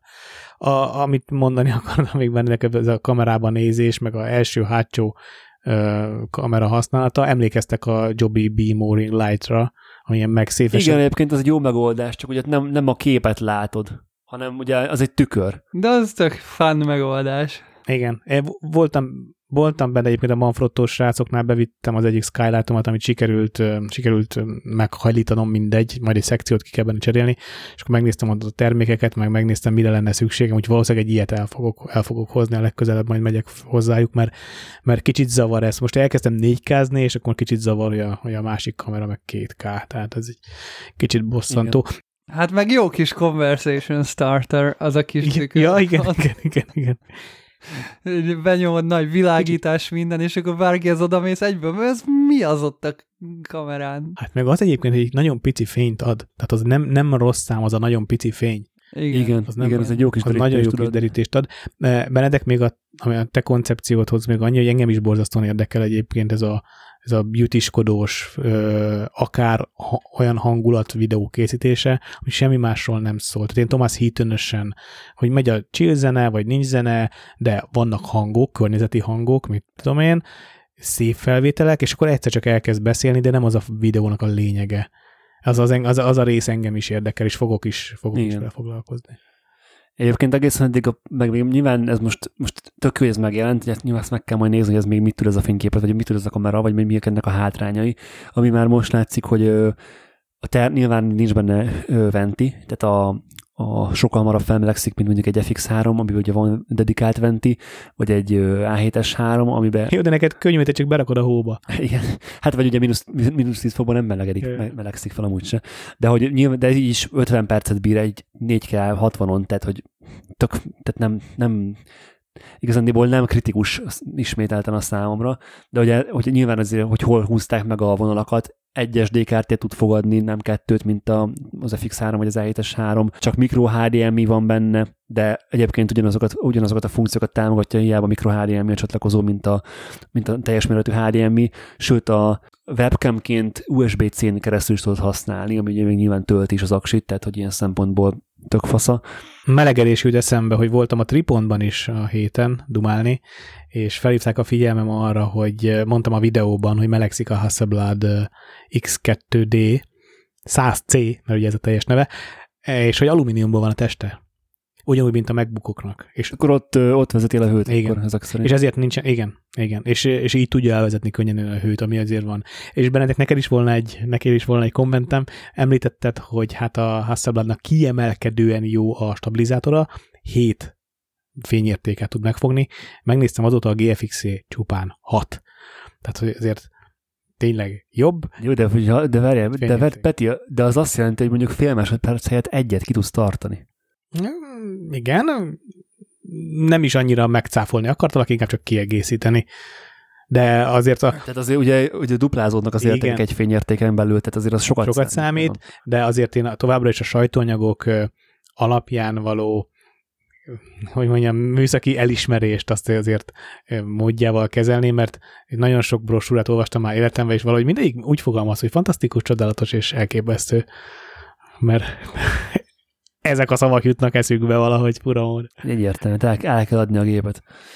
Gábor, meggyógyult már kezed? Csak azért jutottál ma eszembe, mert most két napot retusáltam én is, és említetted múlt héten, hogy begörcsölt a kezed a retus közben, mert annyi melód volt, vagy annyi melót adtam neked, inkább fogalmazzunk így, és nekem is képzeld el volt, nem is a tollattartó kezem görcsölt be, hanem amelyik a bal kezem, amelyik a command, meg a, egyeket a kiegészítő billentyűket kezeli, és valószínűleg rosszul tettem, már eleve rossz, túl közel volt a klaviatúra. Neked melyik kezeddel volt a gond? Uh, hát én is jobb kezes vagyok, tehát a jobb kezemben van a toll. De hogy melyik a jobb kezed, amelyikben a toll van, az görcsöd, vagy a bal, amelyikkel a gombokat nyomogatod? Az, hát ahogy fogom, nekem az volt, hogy ahogy fogom a tollat, és a, az alatta lévő két azt ujjam. Azt is ismerem, igen, igen. Mert ugye az van, hogy amikor az elején, tehát amikor rövid retus session van, akkor nem figyelsz arra, hogy akkor most nagyon kényelmesen hátra támaszkodva, jó könyök támaszsal, stb., hanem az van, hogy akkor behajolsz, mint egy igazi informatikus, görnyedve a gép előtt, és az van, hogy a, ezzel a testtartással, ugye ha a toll ha a tollat használod, akkor gyakorlatilag a csuklódon támaszkodsz. És az összes teher az oda megy hmm. arra az egy pontra, ahol támaszkodik a két ujjon ugye a, a kezed. Nem alacsony az asztalod? Nem, pont inkább az, hogy szerintem magas, vagy nem tudom, mindegy. Ö, és utána ö, sok mindent állítottam, és jobb lett. Tehát eleve egyébként az, hogy ha túl erősen fogod a ceruzát, vagy túlságosan rá akarod nyomni, az is baj lehet. Ö, ugye, hogyha ö, ilyenkor érdemes állítani az érzékenységét, vagy akár adott esetben, ha úgyis a float használod kontrollnak, akkor teljesen ki lehet kapcsolni az, az érzékenységet, hogy ne ö, nyomd rá tudat alatt csak azért, hogy a maxot le, leadja, meg, meg ugye, hogyha rendesen könyökölsz az asztalon, vagy könyökölsz a székeden, és úgy csinálod, akkor meg egyébként meg lehet azt csinálni, hogy ne ott támaszkodjál, és akkor egészen relaxált, de ettől függetlenül a napi, nem tudom, 6-7-8 óra retussal, most lassan már tényleg, azt hiszem egy hétig nyomattam folyamatosan minden nap, ott azért a végére elfárad a, fáradnak az ujjak, mert elég, elég hosszú Hány kép lett a volt, mire Hát 189 Hány kép nap? lett, ugye. Négy nap munka? Kiretusálva. Nem, hát szerintem egy hét, hét volt. Nap de nyilván hét munkanapot nyomtál? Nem minden nap volt ö, ilyen, ilyen hosszú session, de szerintem ilyen négy nap biztos volt, amiben hat órás session volt. Ö, tehát négy, négy, négyszer hat óra biztos, hogy volt, plusz még ez meg az, tehát plusz még pár óra biztos.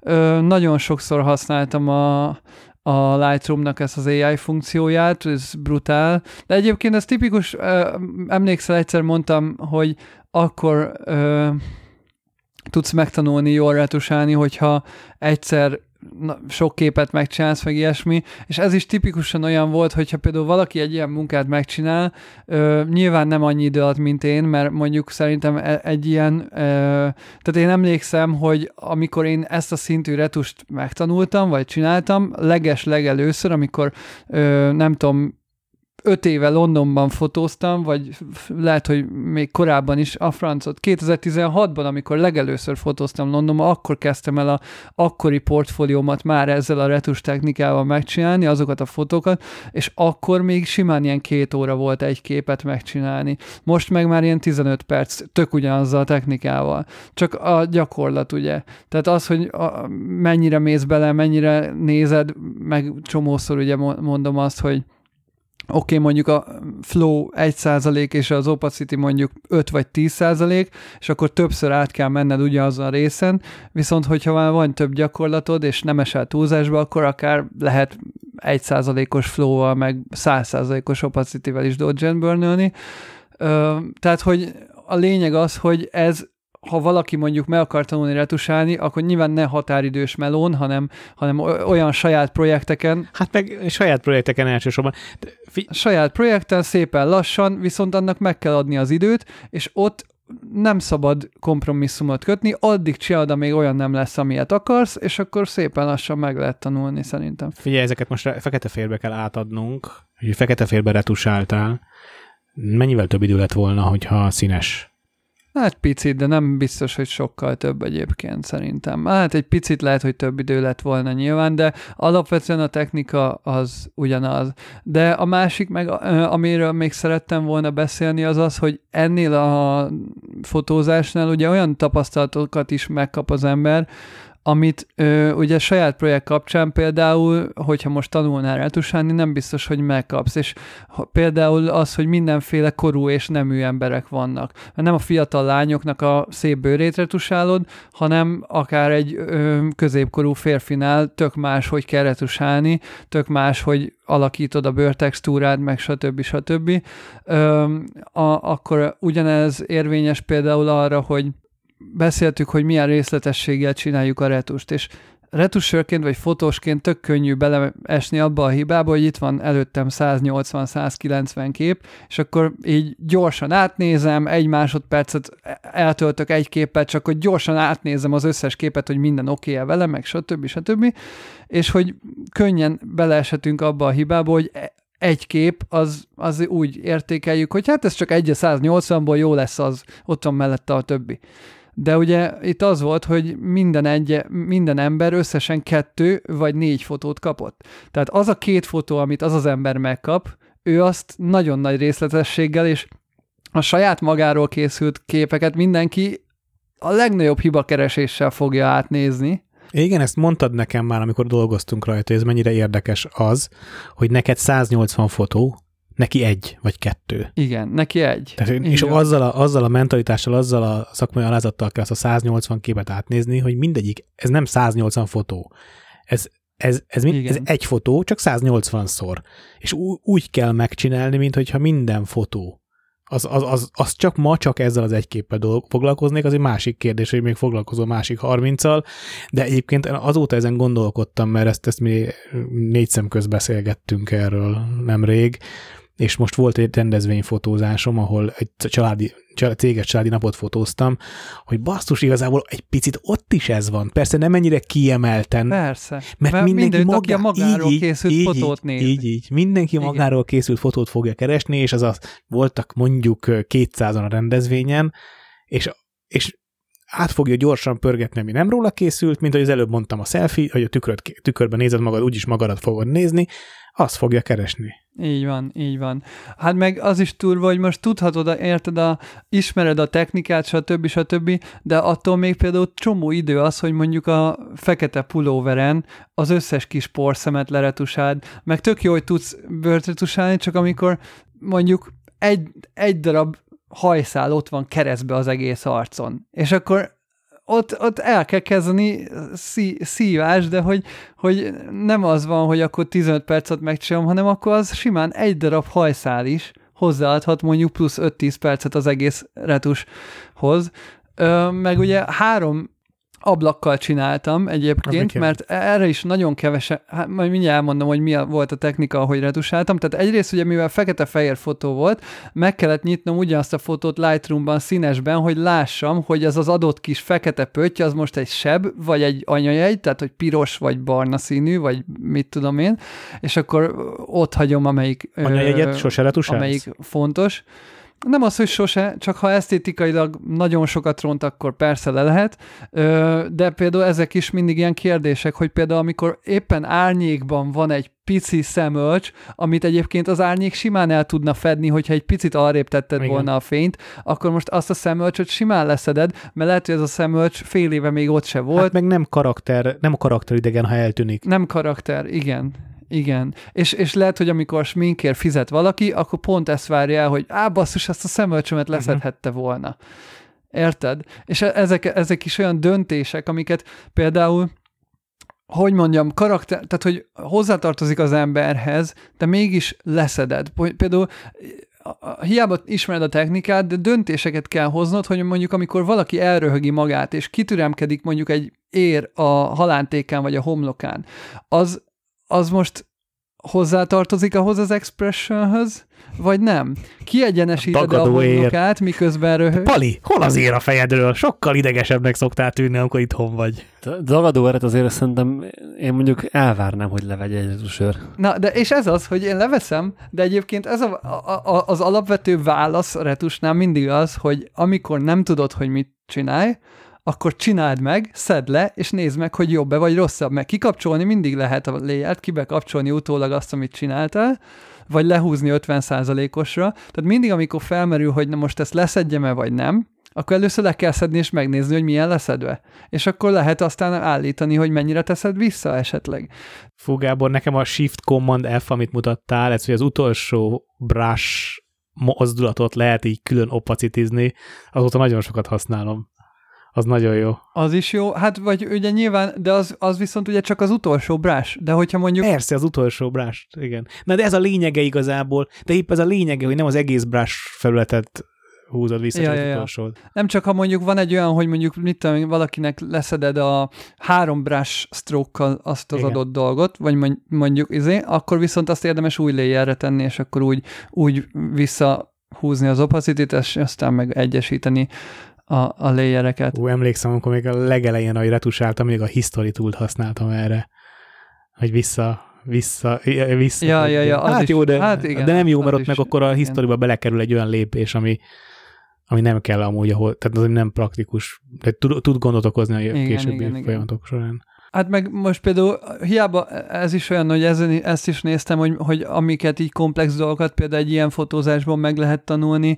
a, amit mondjuk egy alap bőretus modellfotón nem tanulsz meg, hogy mit tudom én például a szemüvegben a csillogásnak a retusálása, hogy azokat enyhíteni, vagy akár teljesen kivenni, vagy tényleg a kiálló hajak, vagy a háttér kipótlása, mert ugye hiába volt AI, meg izé, ugye ott volt a szőnyeg, meg minden, még Photoshopba kellett a háttéren igazítani, meg kellett csinálni. Akkor tényleg fogfehérítés. Fú, a fogfehérítés az, az, egy, az már egy egyszerű rutin neked?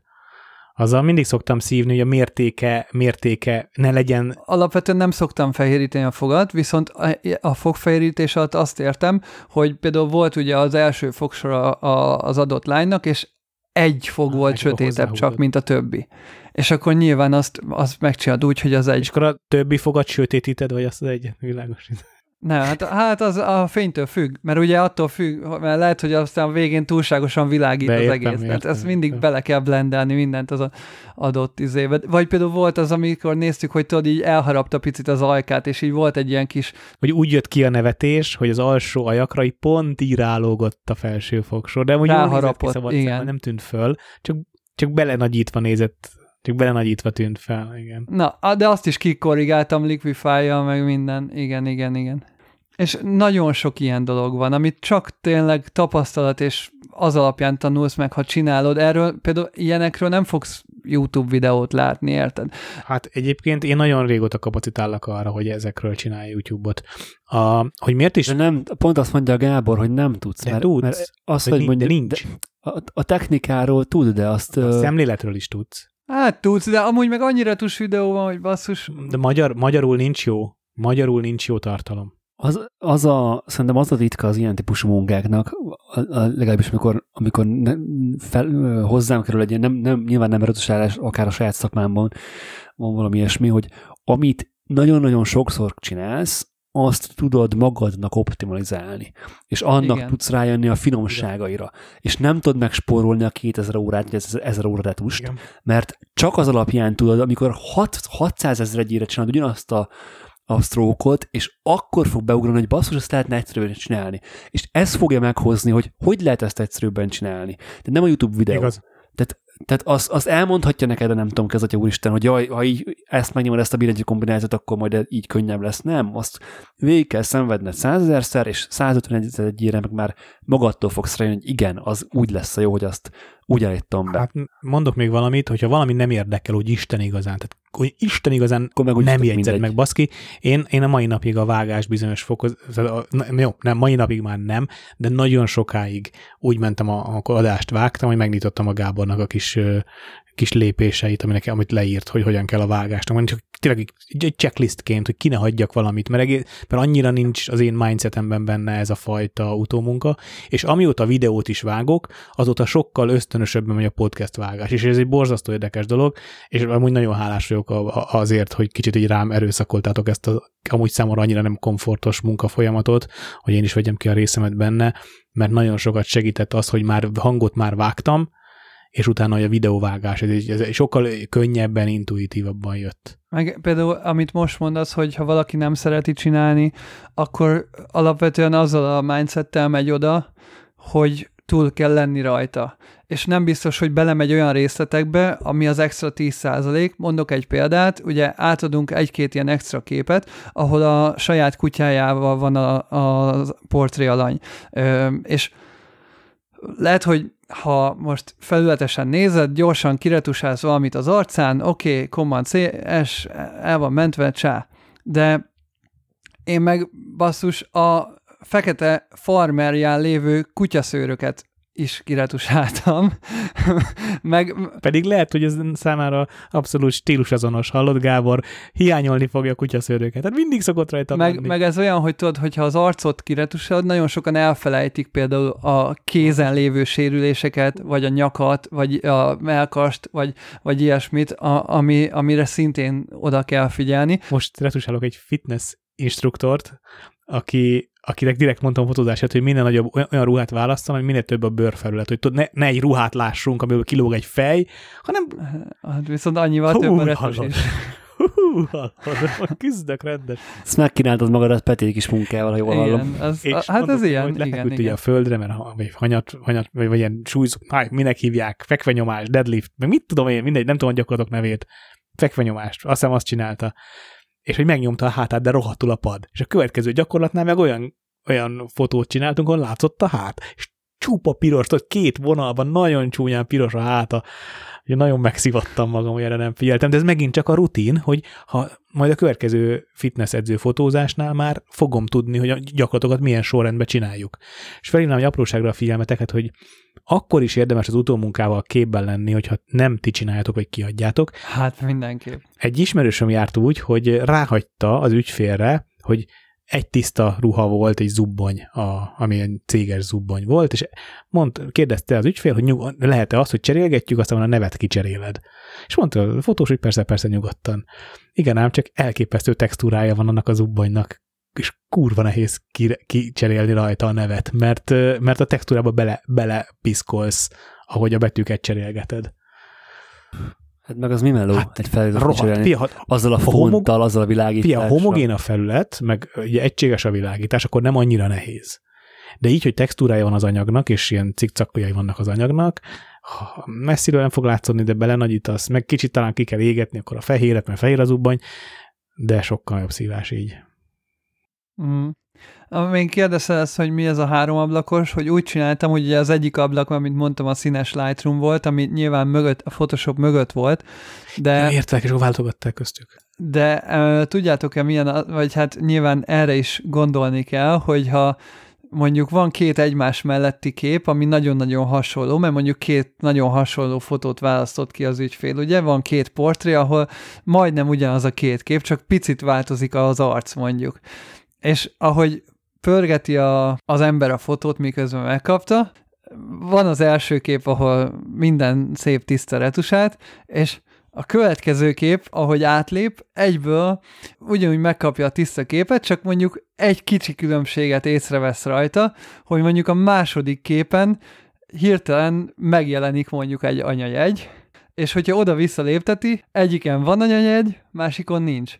És erre kell rohadtul figyelni, hogy van, hogy az első képet kiretusálod full full maxra, és a másik képet is, de mondjuk azt az egy anyanyegyet az egyiken leszetted, a másikon nem.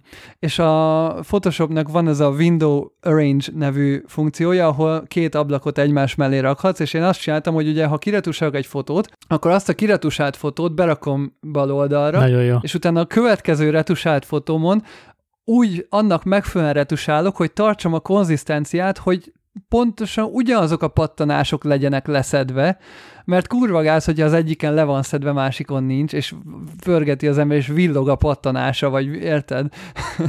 és hogy ez, ez is tök érdekes, hogy ezt tartani, és ez ami, amikor például egy 10-15 képes retus csinálsz mondjuk egy modellről, a végén már fejből tudod az összes anyajegyét, hogy melyiket fogod leszedni, de ugye amikor sok emberről van szó, akkor mindig nehéz ezt tartani, hogy megjegyezni, hogy akkor most mit szedtél le, meg mit nem.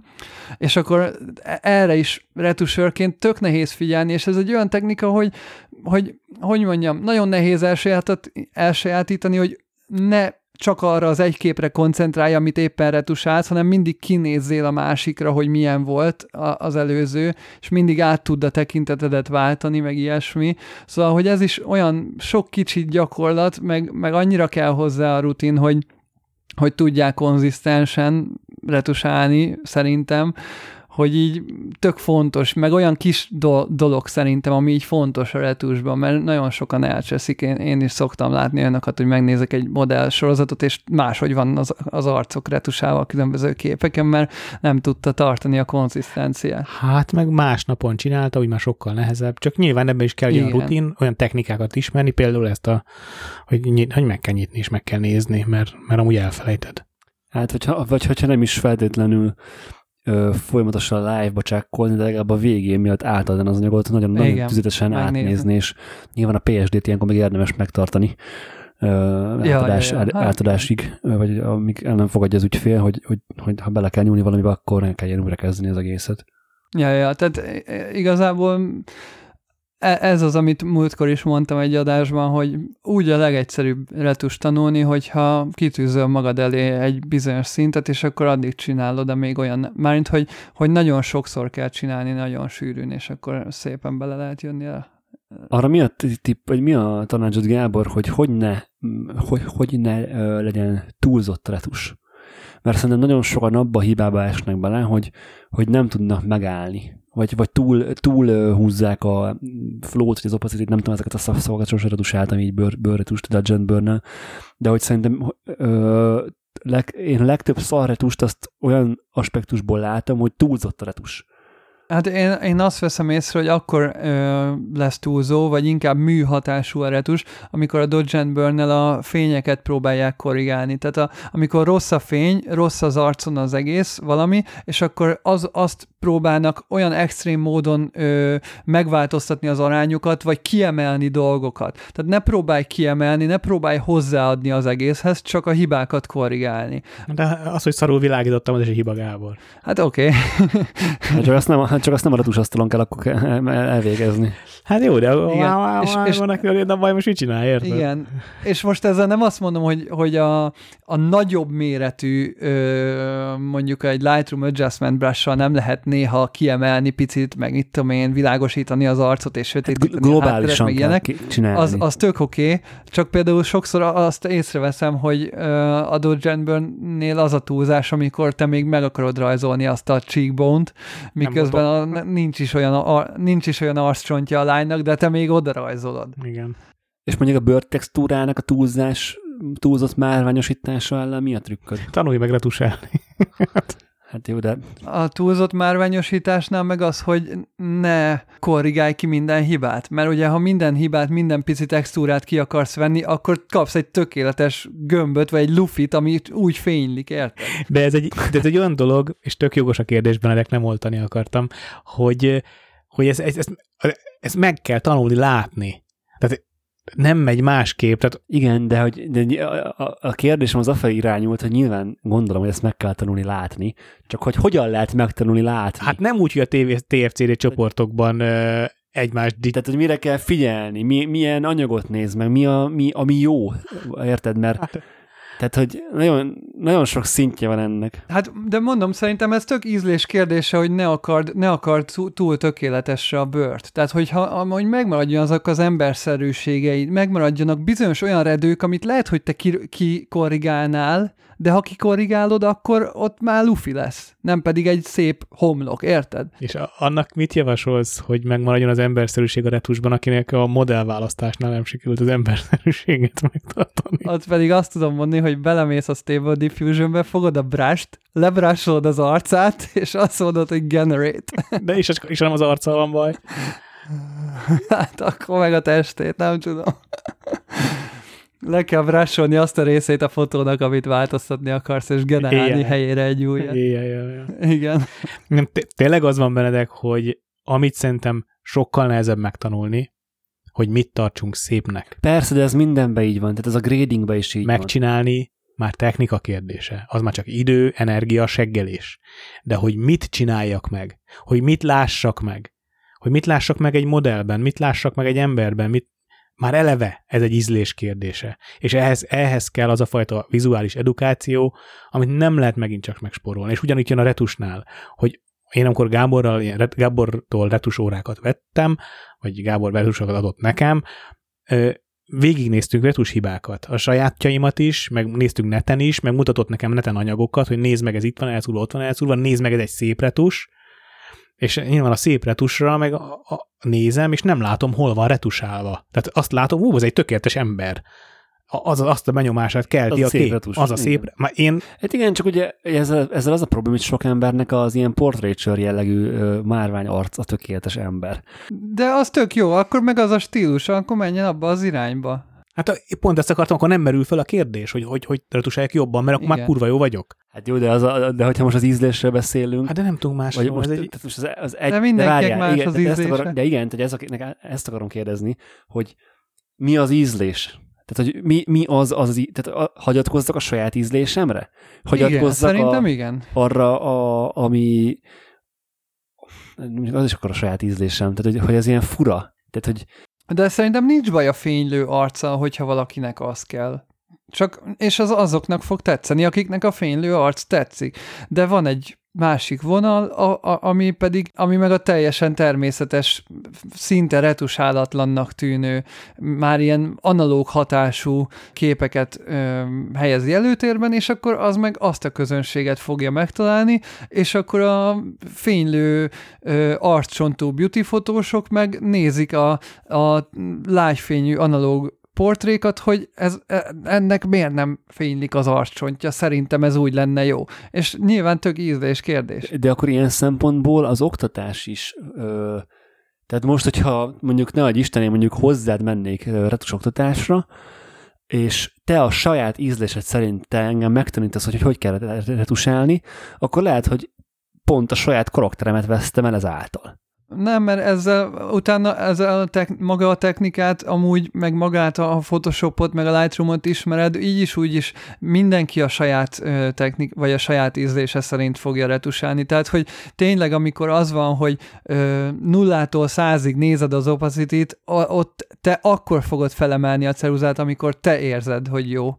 És ezt most hiába, én nem, tehát hogy egy ezer darab ceruzavonásnál nem tudom mondani, hogy mindegyik hány százalékos Persze. legyen, hanem az van, hogy neked kell a saját ízlésed szerint beállítani, hogy te mikor emeled fel azt a ceruzát, meddig satírozod. Viszont tudsz mutatni irányelveket, hogy mikor sok, mik, hogy bizonyos szituációkat hogyan kell megoldani, vagy egyébként Benedek még az is érdekes Gábornál, hogy már eleve a Lightroom hozzáállás is szerintem nem konvencionális. Tehát Magyarországon a fotósok 99%-a nem úgy áll hozzá a Lightroomhoz, hogy Gábor. Nagyon sokszor van, hogy keresem meg őt, pont tegnap előtt történt, egy hotelban volt a fotózás, és három fényforrás volt, a projektor, a napfény és a spotlámpa és hogy a színekkel gondba voltam, és Gábor mindig arra hívja fel a figyelmet. Nézd, nézd, ha azt ott, ott állítod, meg az a kicsit ott húzol, akkor sokkal természetesebb lesz. Tehát akármikor Gáborral fotóról beszélgetsz, és fotóeditálásról beszélgetsz, természetes szó el fog hangozni. Mert, mert ő például arra törekszik, hogy ne adjon hozzá a képhez, ami, ami nincs ott, hanem ami ott van, azt használja szépen de nyilván ez egy stílus, de ezt meg lehet tanulni, hogy, hogy oké, okay, akkor ezeket használom, hogy természetes legyen, de akkor a másik irányba húzom, és akkor nem lesz természetes. Igen, tehát hogyha csak ezt, ezt akartam tisztázni, hogy, hogy egyébként azt, akkor viszont ez tök jó, hogy ez alapján a benyomásom, hogy, hogy igazándiból a retusnál nyilván ugye, hogyha mondjuk valaki elmegy hozzá a retus oktatásra, akkor te megmutatod neki azokat az eszközöket, meg azokat a munkafolyamatokat, amiket te használsz. De az onnantól kezdve az, az emberre van bízva, hogy azt mennyire használ. Persze. Lehet kevésbé használni, mint te használod, meg lehet sokkal durvábban is használni, mint te használod. Viszont maga a folyamat az ugyanúgy átültethető bármelyik szintjére a retusnak. Persze, meg hát vannak, vannak fotók, amiknek ez áll jól, vannak fotók, amiknek az áll jól. Most érted, lehet, hogy egy ö, nagyon durván tíz vakus setup megvillantott, hiper-szuper commercial beauty fotó, ott lehet, hogy nagyon-nagyon sok szempontból úgy hozzá kell nyúlni a képhez, hogy elérje a célját, hogy az tényleg leugorjon a plakátról, míg hogyha az a célod, hogy egy visszafogott, természetes, egyablakfényes analóg fotó, amin éppen csak ö, vannak minimális hibák az arcon, amit tényleg akár az analóg fotón is ki tudsz dodge az analóg szkennelt fotón, és, és a természetesség a cél, akkor annak nyilván megint más fog jól állni. Minden fotónak más a stílusa. Tökre számít a fotónak a stílusába az, hogy amit az előbb Peti is mondott, hogy milyen a modell, milyen a ruhája, milyen a világítás, milyen a helyszín, milyen látószöggel vetted fel. Eleve már ezek az ilyen 24 mm-en készült portréfotók is tök más stílus, mint a 85 mm-en készült portréfotók. És, és ez mindenkinek az egyéni döntése, hogy hova pozícionálja magát, és milyen stílusú fotókat készít, és mik inspirálják. És onnantól megint jön az, hogy mi inspirál, honnan nézed az inspirációt, milyen fotósokat követsz, és ők milyeneket használnak. Erre egyébként Nick Carvernek mindig, amikor, amikor az inspirációról beszélgetünk, mindig eszembe jut a legutóbbi podcast, amit hallottam Nick Carvertől, hogy hogy nagyon kevés fotóst követ, tehát szinte, szinte egyet se követ, és egy, egy, egy fotósnak a munkáját, munkáját se követi. És azért csinálja ezt, mert hogy nem akarja befolyásoltatni magát. Tehát, hogy, hogy van egy ilyen felfogás is, hogy a, hogyha mindig inspirálódsz valami által, mert hogy ha, ha mindig fotós által inspirálódsz, és te is fotós vagy, akkor könnyen lehet az, hogy egy ilyen nyúlma lesz a vége a sok fotósból, akit, akit ugye követsz. De az is te vagy. Nyilván, igen, igen, tehát ez nyilván ez is emberfüggő, csak ez így mindig így, egyébként én is ilyen vagyok, hogy én is én, én szeretek fotósokat követni, meg fotós, fotókat nézegetni, tehát én abszolút nem, nem vallom ezt a felfogást, de hogy ő meg pont ezt emelte ki, hogy ő, hogy amikor nézegetett más fotósokat, akkor mindig abba hibába esett, hogy, hogy másolni akart tudat alatt is. És hogy például mondjuk csak zenét, meg filmet, meg, meg ilyeneket használ inspirációra, és megpróbál saját ötleteket, meg saját képeket, meg saját képi világot kialakítani, hogy ne, ne, má, ne úgymond ne másoljon más fotóst. Igen, viszont ugyanakkor ő is valamilyen szintű kereteket, tehát hogy, hogy mondjam, én azt veszem észre, de lehet, hogy most nyilván én nem jártam a moméra, meg nem vagyok, nem vagyok fotóművész, meg nem ö, ismerem az ilyen nagyon-nagyon nagy, magas művészetű fotókat, de hogy tehát, hogy én nagyon sokszor kommerci, vagy kommerszebb fotósokat ismerem, úgy, úgy értve, hogy, hogy mondjuk egy fashion fotós, ő, ő valószínűleg a fashion keretein belül fog fotózni. Azoknál a fotósoknál, akik nem inspirálódnak semmiből.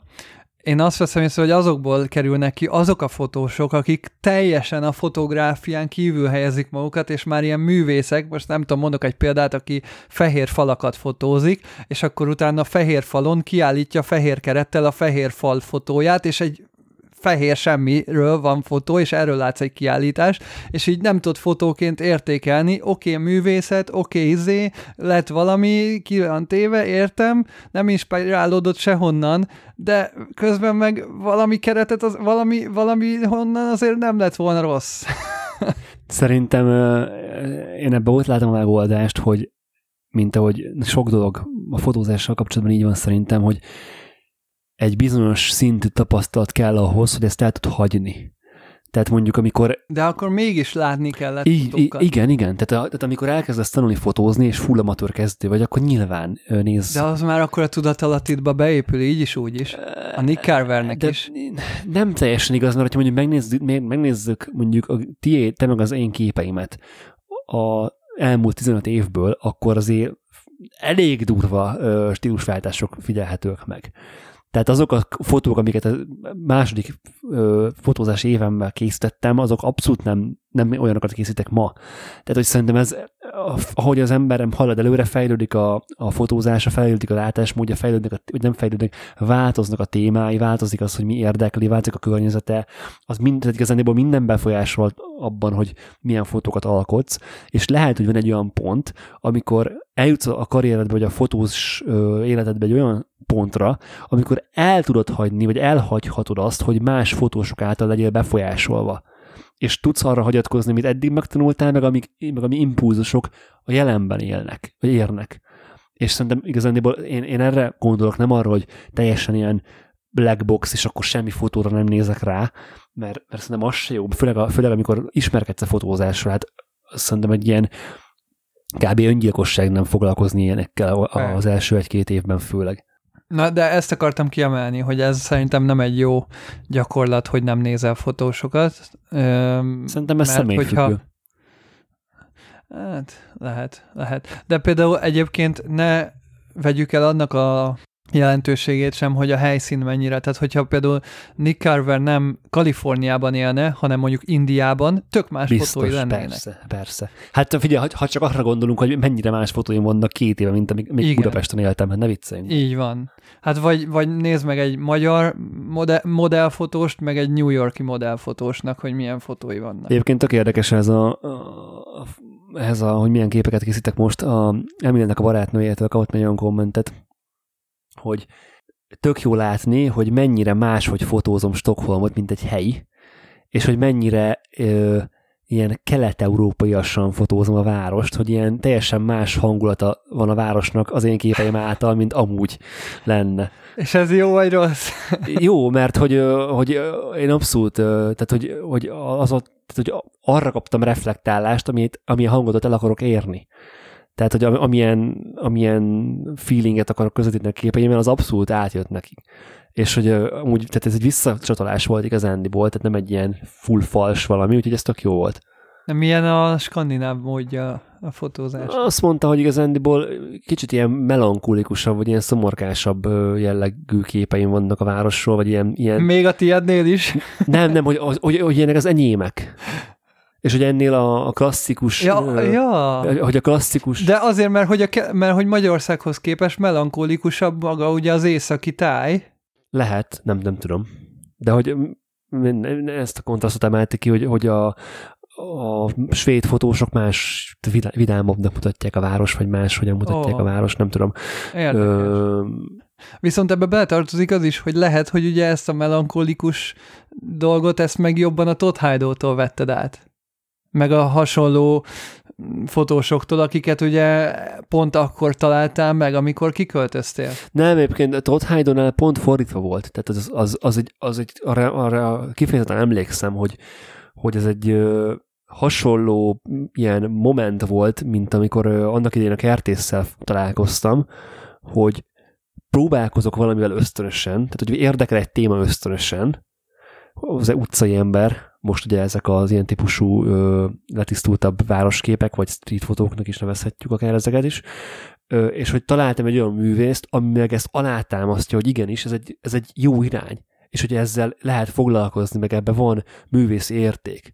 És hogy, uh-huh. hogy nem, tehát nem, nyilván, és nyilván utána inspirál, meg nyilván utána tudok ebből tanulni, meg fejlődni, meg, meg képjelemeket, nem is az, hogy konkrét képjelemeket átültetni, nem képi megoldásokat, vagy vizuális nyelvet ö, áthozni, ö, de hogy az alap, az alap motívum az bennem született meg. Tehát nem a, nem a képek hatására kezdtem, de nem a könyv hatására kezdtem ilyen képeket csinálni. Jó, de hogy tök jó megerősítés, meg, meg tök jó irányadó. Igen, igen, meg hát van sok hasonló fotós is, mint a Todd Haido. Most uh, küldtem nektek a Gregory Gregory Cruzon Igen, igen, igen, igen. Hát neki is azért eléggé jó hangulatai van. Ez a csávó, az bot, brutális, az a csávó hallod.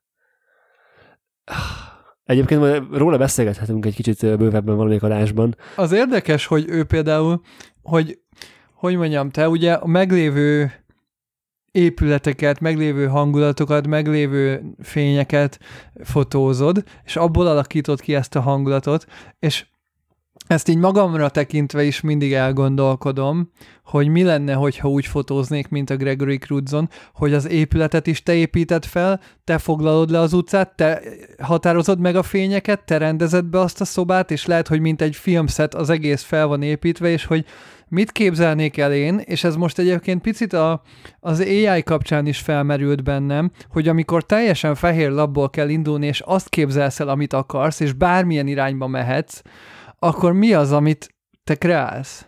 Gondolkoztam egyébként ezen, hogy hogy, hogy, hogy készülnek ezek a képek, mert engem is ez le legelőször, hogy Peti ismered Gregory Cruzont? Akkor három mondatból összefoglaljuk a munkásságot az embernek. Meg azért a képeire keresve. Tehát, hogy ez a csávó, ez úgy fotózik, hogy minden egyes fotója az egy épített szedben készül el. Tehát semmi random nincs a fotón. Tehát amikor egy fél, amikor egy, egy utcahosznyi képet látsz, De az is ismerem. egy filmszett. Bocs, bocs, ismerem. Igen, és, és, és nagy formátum. Már nem. Mert mi, most mire fotózik? Phase one fotózik, de régen, tehát a, az a könyv, ami, ami nekem megvan, az a Beneath the Beneath the Roses. De hogy nem, hogy ne ismerem. Az volt az utolsó könyve, amit 8x10-re fotózott. Azóta már Phase van. Ismerem, hogy ne ismerném. Tíz, tíz éve, bocs, tíz éve voltam egy kiállításon. Most nem tudom, az ő kiállítás volt Budapesten, vagy, vagy csak kim voltak képei. Elképesztő nagy hatással volt. Fia, évekig, évekig hatás alatt voltam, hogy ez micsoda. És például az összes, ami bels, belső térbe készül fotó, az, az összes az ilyen soundstage-en készül. A soundstage az egy hangárban egy berendezett félépület. Tehát az nem úgy, nem az, hogy elmentek azért, Dakota külsőre, és akkor ott találtak egy romházat, és akkor oda bementek, és lefot, nem, hanem az meg van építve. Na és hogy, hogy ezen gondolkoztam is, hogy, hogy, ez, hogy, hogy képes lennék-e erre. Tehát hogyha, hogyha azt a, tehát megkapnám azt a büdzsét, amit megkapott arra Igen. az egy fotóra a csávó, és azt sem, amit akarok. Tudnám ezt csinálni, és igazából arra, én arra jutottam, hogy szerintem ott van ennek a nyitja, hogy ő nem egyedül csinálja ezt a képet. Hanem csomó art directorral, meg stylista, meg mindenkivel. Amikor van egy ilyen crew mögötted, ami, aki mondjuk egy olyan crew, hogy tegnap előtt Tarantinónál rigelte a fényt, ma meg átugrott egy, egy Cruizon képet megcsinálni, mert az ilyen kaliberű emberekkel dolgozik szerintem ja, nagyjából. Ja, ja, ja. Ilyen top-top grippekkel dolgozik a csávó, hogy elmondja nekik, hogy mit szeretnék átadni a képen. És tudja, tehát ők is szakemberek, tehát a világosítók, meg minden, a set designerek, mindenki szakember. Tehát a filmezés, a filmes világ is ebből áll. És átad nekik egy érzést, egy, egy, egy hangulatot, egy képi valamit, megpróbálja elmondani, mit képzelt el, vagy legskicceli, vagy bármi, és a csávó tudja, hogy hova kell tenni a 10.000 wattos arrit, hogy az úgy nézzen ki. Hát meg a, a, szobát nem Gregory Cruz találja ki, hogy van. most azon az asztalon feltétlen mi legyen, hanem, ahogy mondtad, a set designer. És igazándiból a csávó, mint rendező slash operatőr vesz részt projektben. Az én, az én olvasatomban. Én egyébként ezt mióta, tényleg én is tíz éve ezen csodálkozok, hogy erre hogy van kereslet, mármint, hogy hogy tudja kitermelni ezt a költségvetést egy, egy Minden képre. kép a commission. Szerintem ugyanúgy működik, mint a Tyler Shields. Nem, mi, mi, milyen commission? Tehát, tehát, hogy az, hogy ez egy kiállításokon meg eladja. Hát nem, tehát szerintem a print az már el van adva, mielőtt elkészül. Ja. Tehát a, a Tyler Shields, amikor felgyújtotta a ferrari az a kép az el volt adva, mielőtt elkészült, és onnan volt a büdzsé, hogy meg tudja venni hát a ferrari Hát meg sokszor nem egy, egy darabot van. adnak el belőle. Hát ezekből nyilván. szerintem egyeket adnak el. Mm, nem biztos sem úgy. Ha nem, most nem is emlékszem, hogy vagy a könyv, vagy a weboldalán ö, nem is az van, tehát ott konkrétan le van írva, hogy ö, mekkora print, meg milyen print. Tehát, hogy, hogy mű, mm-hmm. tehát Mhm. maga a print a műtárgy, nem a fotó. Nem, nem, nem, nem, nem, nem, Persze, a digitális persze. állomány.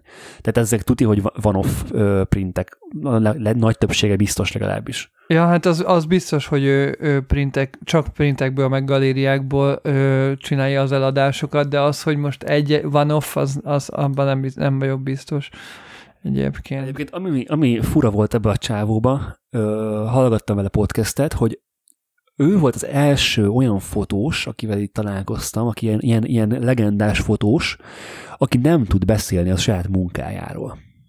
Tehát nagyon nehezen ö, tudta elmondani azt, vagy nagyon ilyen lassan, ilyen, ilyen akadozva, vagy nem is tudom, nem, nem volt egy ilyen jó flója a beszélgetésnek, és azt éreztem rajta, hogy, hogy nem véletlenül fényképezik mert hogy nem tudja máshogy átadni az érzését, meg a gondolatait, és hogy azt el tudja mondani, hogy hogy építették fel a, a szettet, meg hogy, hogy milyen kamerával fotózott, meg honnan fotózott, meg a technikai részét el tudja mondani, de azt, hogy miért azt fotózta, azt nem tudja egyszerűen elmondani. Hmm. Én azért több olyan fotósra találkoztam, aki nem tud beszélni, mint aki tud. Én, én nem, tehát ez ilyen, ö, mit tudom én, mondjuk Joel Meyerowitz, ö, Todd Heido, ö, Alex Webb, tehát Jonas Bendixen, tehát ez ilyen, ilyen karabulira fotósokra gondolok. Tehát ők, ők mindegyik, tehát a, a, az, Tud beszél, mint tud beszélni? azok a Szépen. fotósok, akiket, akik engem érdekelnek, és, és, meg, és hallgattam velük podcastet, azok kivétel nélkül nagyon-nagyon tisztán és érthetően és profin és tök jól át tudták adni, hogy miért az a projekt, miért ezzel foglalkozott, miért így fogalmazta meg, és minden. És ez a csávó meg ebben nem volt annyira jó. És ez, ez volt, az, ez, ezt mondom, csak azért volt ennyire ilyen emlékezetes, mert ez volt az első olyan ember, aki, akivel ezt tapasztaltam, hogy egyszerűen nem jön át az, amit...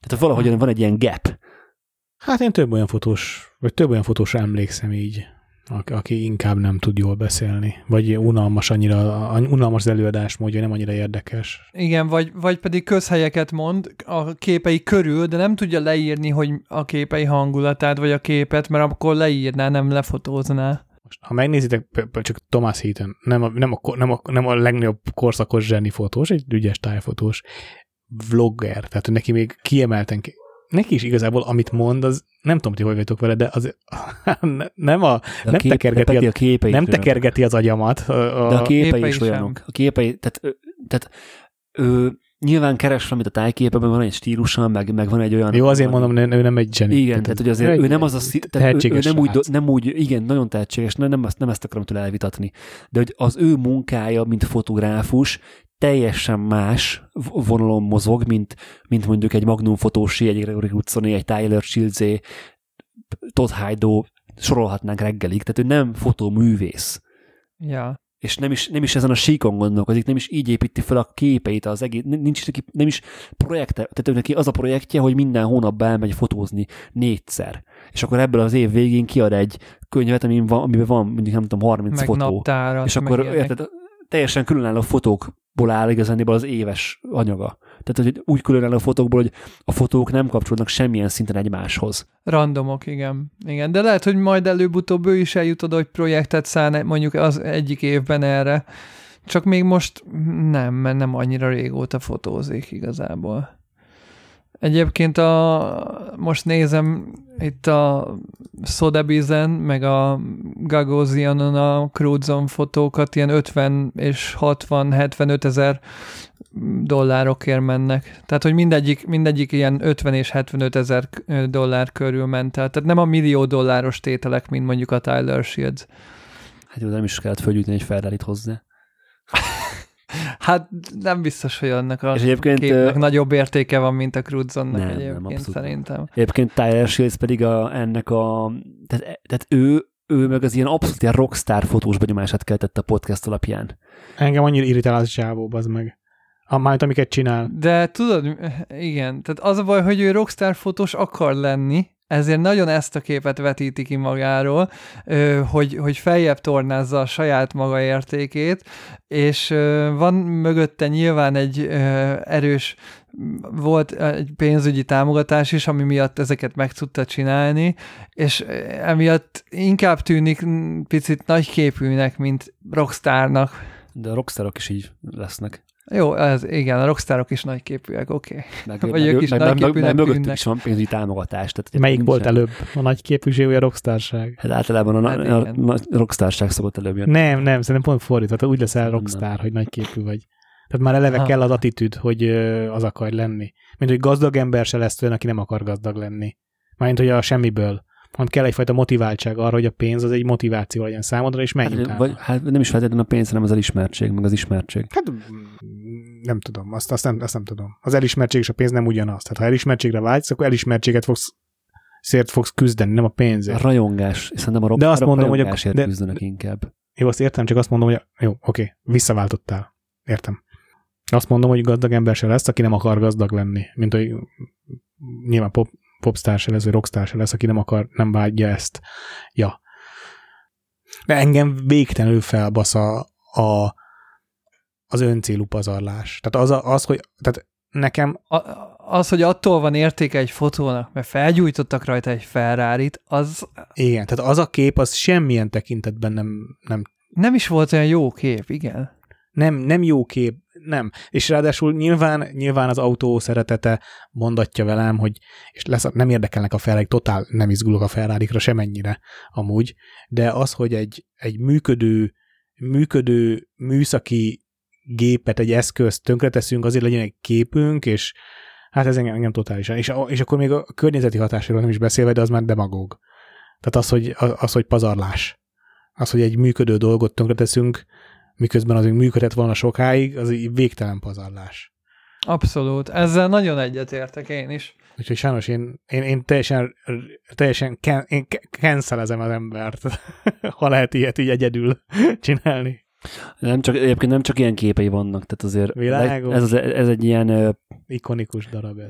hát vagy ha nem is, mert egyébként fotográfiailag nem egy nagy valami, de ö, szerintem inkább ez az, a, amiatt lett ikonikus, mert nyilván a, a háttérszorja miatt, de vannak sokkal jobb mondani valójuk, meg sokkal jobb képei ennél, amik meg zseniálisak. Uh-huh. Legalábbis Hát szerintem. igen, meg hát nagyon sokszor a sok hatásra épít. Így, így van. Nekem az a típusú művészkedés sem tetszik, amikor a sok hatásra építenek. Igen. Tehát amikor ö, nem az van, hogy kivált belőled valami hatást a fotó, hanem hogy már a fotós azért készíti, hogy kiváltson belőled egy hatást. Abszolút érte. Persze. Minden fotó így készül, de amikor ez a fő... Hát jó, de ez, de, de, de ez minden, de ez igen, tehát minden művészeti termék így készül. Igen, de értem azt, amit Gábor mondani akar, hogy ö, van valamilyen egy elfogadott skála talán, amin belül gondolkodunk mind, és amikor valaki, na most, úr, most nagyon, amikor művészfilmet csinálják, és nem lesz jó a film, nem lesz, sem, nem lesz mondani való, csak kurvára érthetetlen. És az a film, az a film egyik legfőbb értéke, hogy érthetetlen, és fú, micsoda, micsoda gondolatiság, micsoda gondolatvilág, de közben nem egy jó film, nem jó benne semmi. És fotóba is el tudom képzelni azt, hogy, hogy egy hatás, hatás erre, erre használjuk a hatásvadász kifejezést talán. Ez, na igen, és például volt valami, azt hiszem a Trumpos ö, fotója, amit most be is linkeltem, hogy, hogy az is például annyira érződik, hogy szándékosan hatásvadász, Ja, tehát ja, hogy ja. nem mond már, tehát hogy teljesen csak a hatásért csinálta. Maga a koncepció az, hogy ú, akkor most, most, most sokkolunk, meg megdöbbentünk, meg ilyet még senki se csinált, de nyilván azért nem csinált, mert Mert minek? mert hogy, mert minek, igen, Igen. igen. És persze, nyilván ez a dolga is a művészeknek, hogy Így van, ezt pont ezt akartam mondani, hogy ezzel a, ezzel kiherül, tehát ez a, hogyha, hogyha ez, le, ez a felfogás lenne a művészvilágban, kiherül, ki lenne herélve az egész. igen, tehát e- ebben is egyetértek, hogy kellenek azok az emberek. Kell az extravaganciát, az az egésznek a lényege. Igen. Igen, ezt egyébként, egyébként, egyébként közben meg ezt, igen, én is elfogadom amúgy. Tehát el tudom fogadni, Tehát érted, egy, egy Basquiat se azért lett világhírű, mert virágos mezőket festett izé, zsírkrétával. Tehát, hogy Persze, persze, csak valahogy azt érzem, hogy míg Basquiat a saját érzéseit festette meg, addig a Tyler Shields, Shields másokból akar kiváltani érzéseket. hogy a Basquiat is. Nem, a basket el akart mesélni valamit, hogy a belső... Tehát, ő, hogy mondjam, ö, a, a Tyler Shields a figyelem, figyelemért készít egy képet, Míg a Basquiat lehet, hogy akkor is lefestette volna azt a festményt, hogyha senki nem látja. Na, de, de ez, ez, ez nekem, hogy most ez így azt, hogy elmondtad, ez kettő belső motiváció. Ami ugyan, hogyha csak azt a mérleget nézzük, hogy belső motiváció, egyenlőt nyom. És az, hogy személyesen... Nyilván egy skálának a két vége. Tehát személyesen Gábor neked, meg személyesen Peti neked, meg nekem melyik értékesebb, az mindenkinek a saját belső döntése. Az, hogy a, az, hogy a Tyler Shields ö, meghökkentő, ö, sokkoló, hatásra lesz képeket akar csinálni, ő azért csinálja neked, mert ilyeneket akar csinálni. Ez a motivációja. Nem letisztult, nyugodt, csendes sportrékat. Mert nem az a belső motiváció. Most az, hogy ez most egy ilyen gyarlóbb, vagy nem gyarlóbb felhangot kap-e valakinek az olvasatában, az, az személyes szerintem. És, Abszolút. És ilyen szempontból én nem ítél, tehát azt szögezzük le azért, hogy nekem sem a szívemhez legközelebb álló fotós. Én elismerem, mint fotós, mert nagyon szeretem a tehát ő, ő egy olyan, olyan fotós, akit úgy, akinek a képeit úgy tudom szeretni, meg úgy tudom értékelni, hogy a stílusa, meg a mondani, hogy ez totálisan távol áll tőlem de mint fotóst, meg mint szakembert, meg mint művészt el tudom ismerni, mert szerintem jó, amit csinál, és ahogy ő csinálja, nem az egy jó, jó tehát egy önazonos valami, ahogy ő azt csinálja. És nyilván tök más, mint mondjuk egy Todd Hyde vagy egy Gregory Knudson. De még egyszer, ez két belső motiváció, ami egy mérlegen ugyanannyit nyom, csak más jellemzői vannak.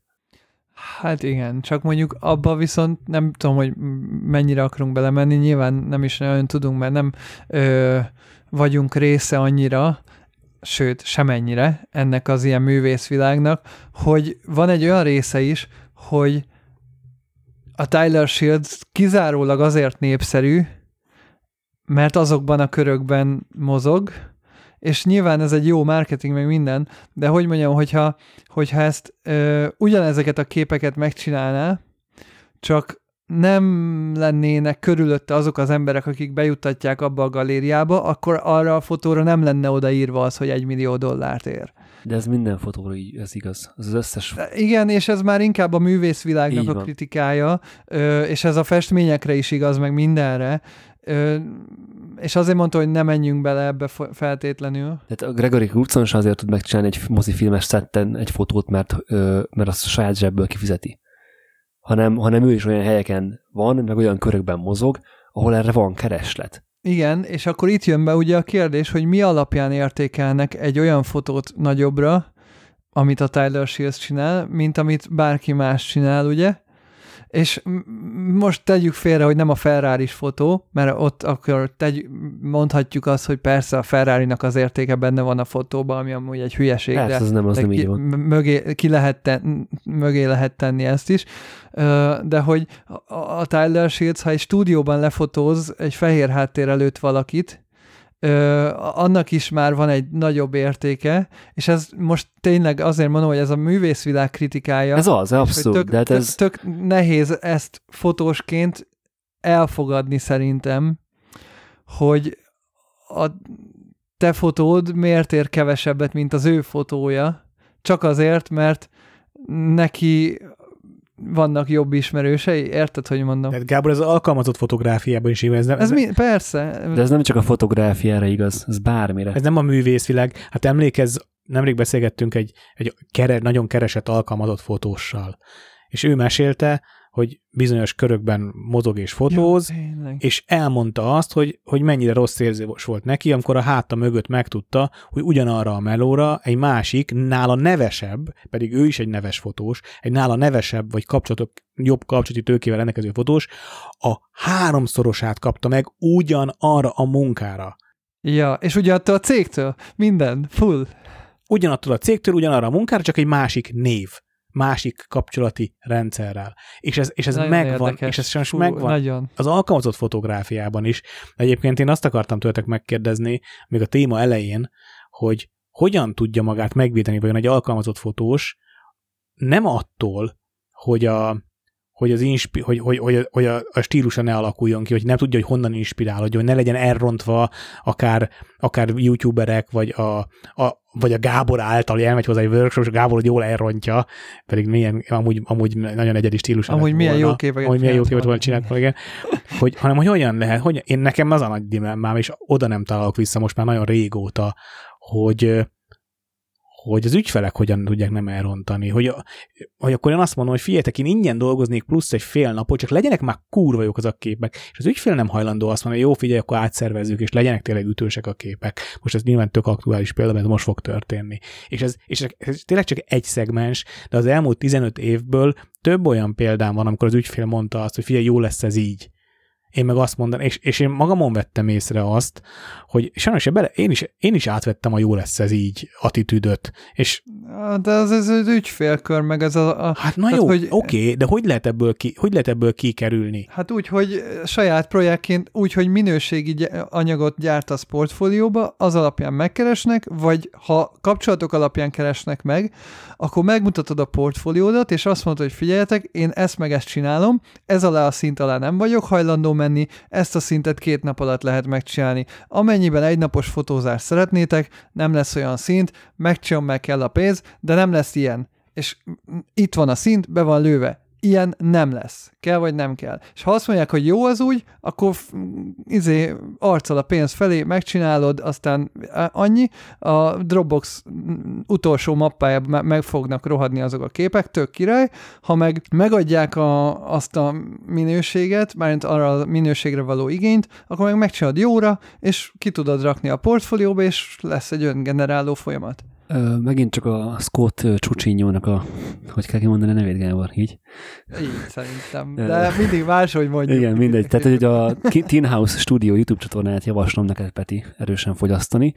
Az ember ugye egy reklámfotós, reklámtárgyfotós. Nyilván te más közegben mozogsz, de nagyjából ráhúzható szerintem a te esetedre is. Mindig azt mondja, többször elmondta ezt már videóiban, hogy az ügyfelek nem a korábbi munkáid alapján jönnek.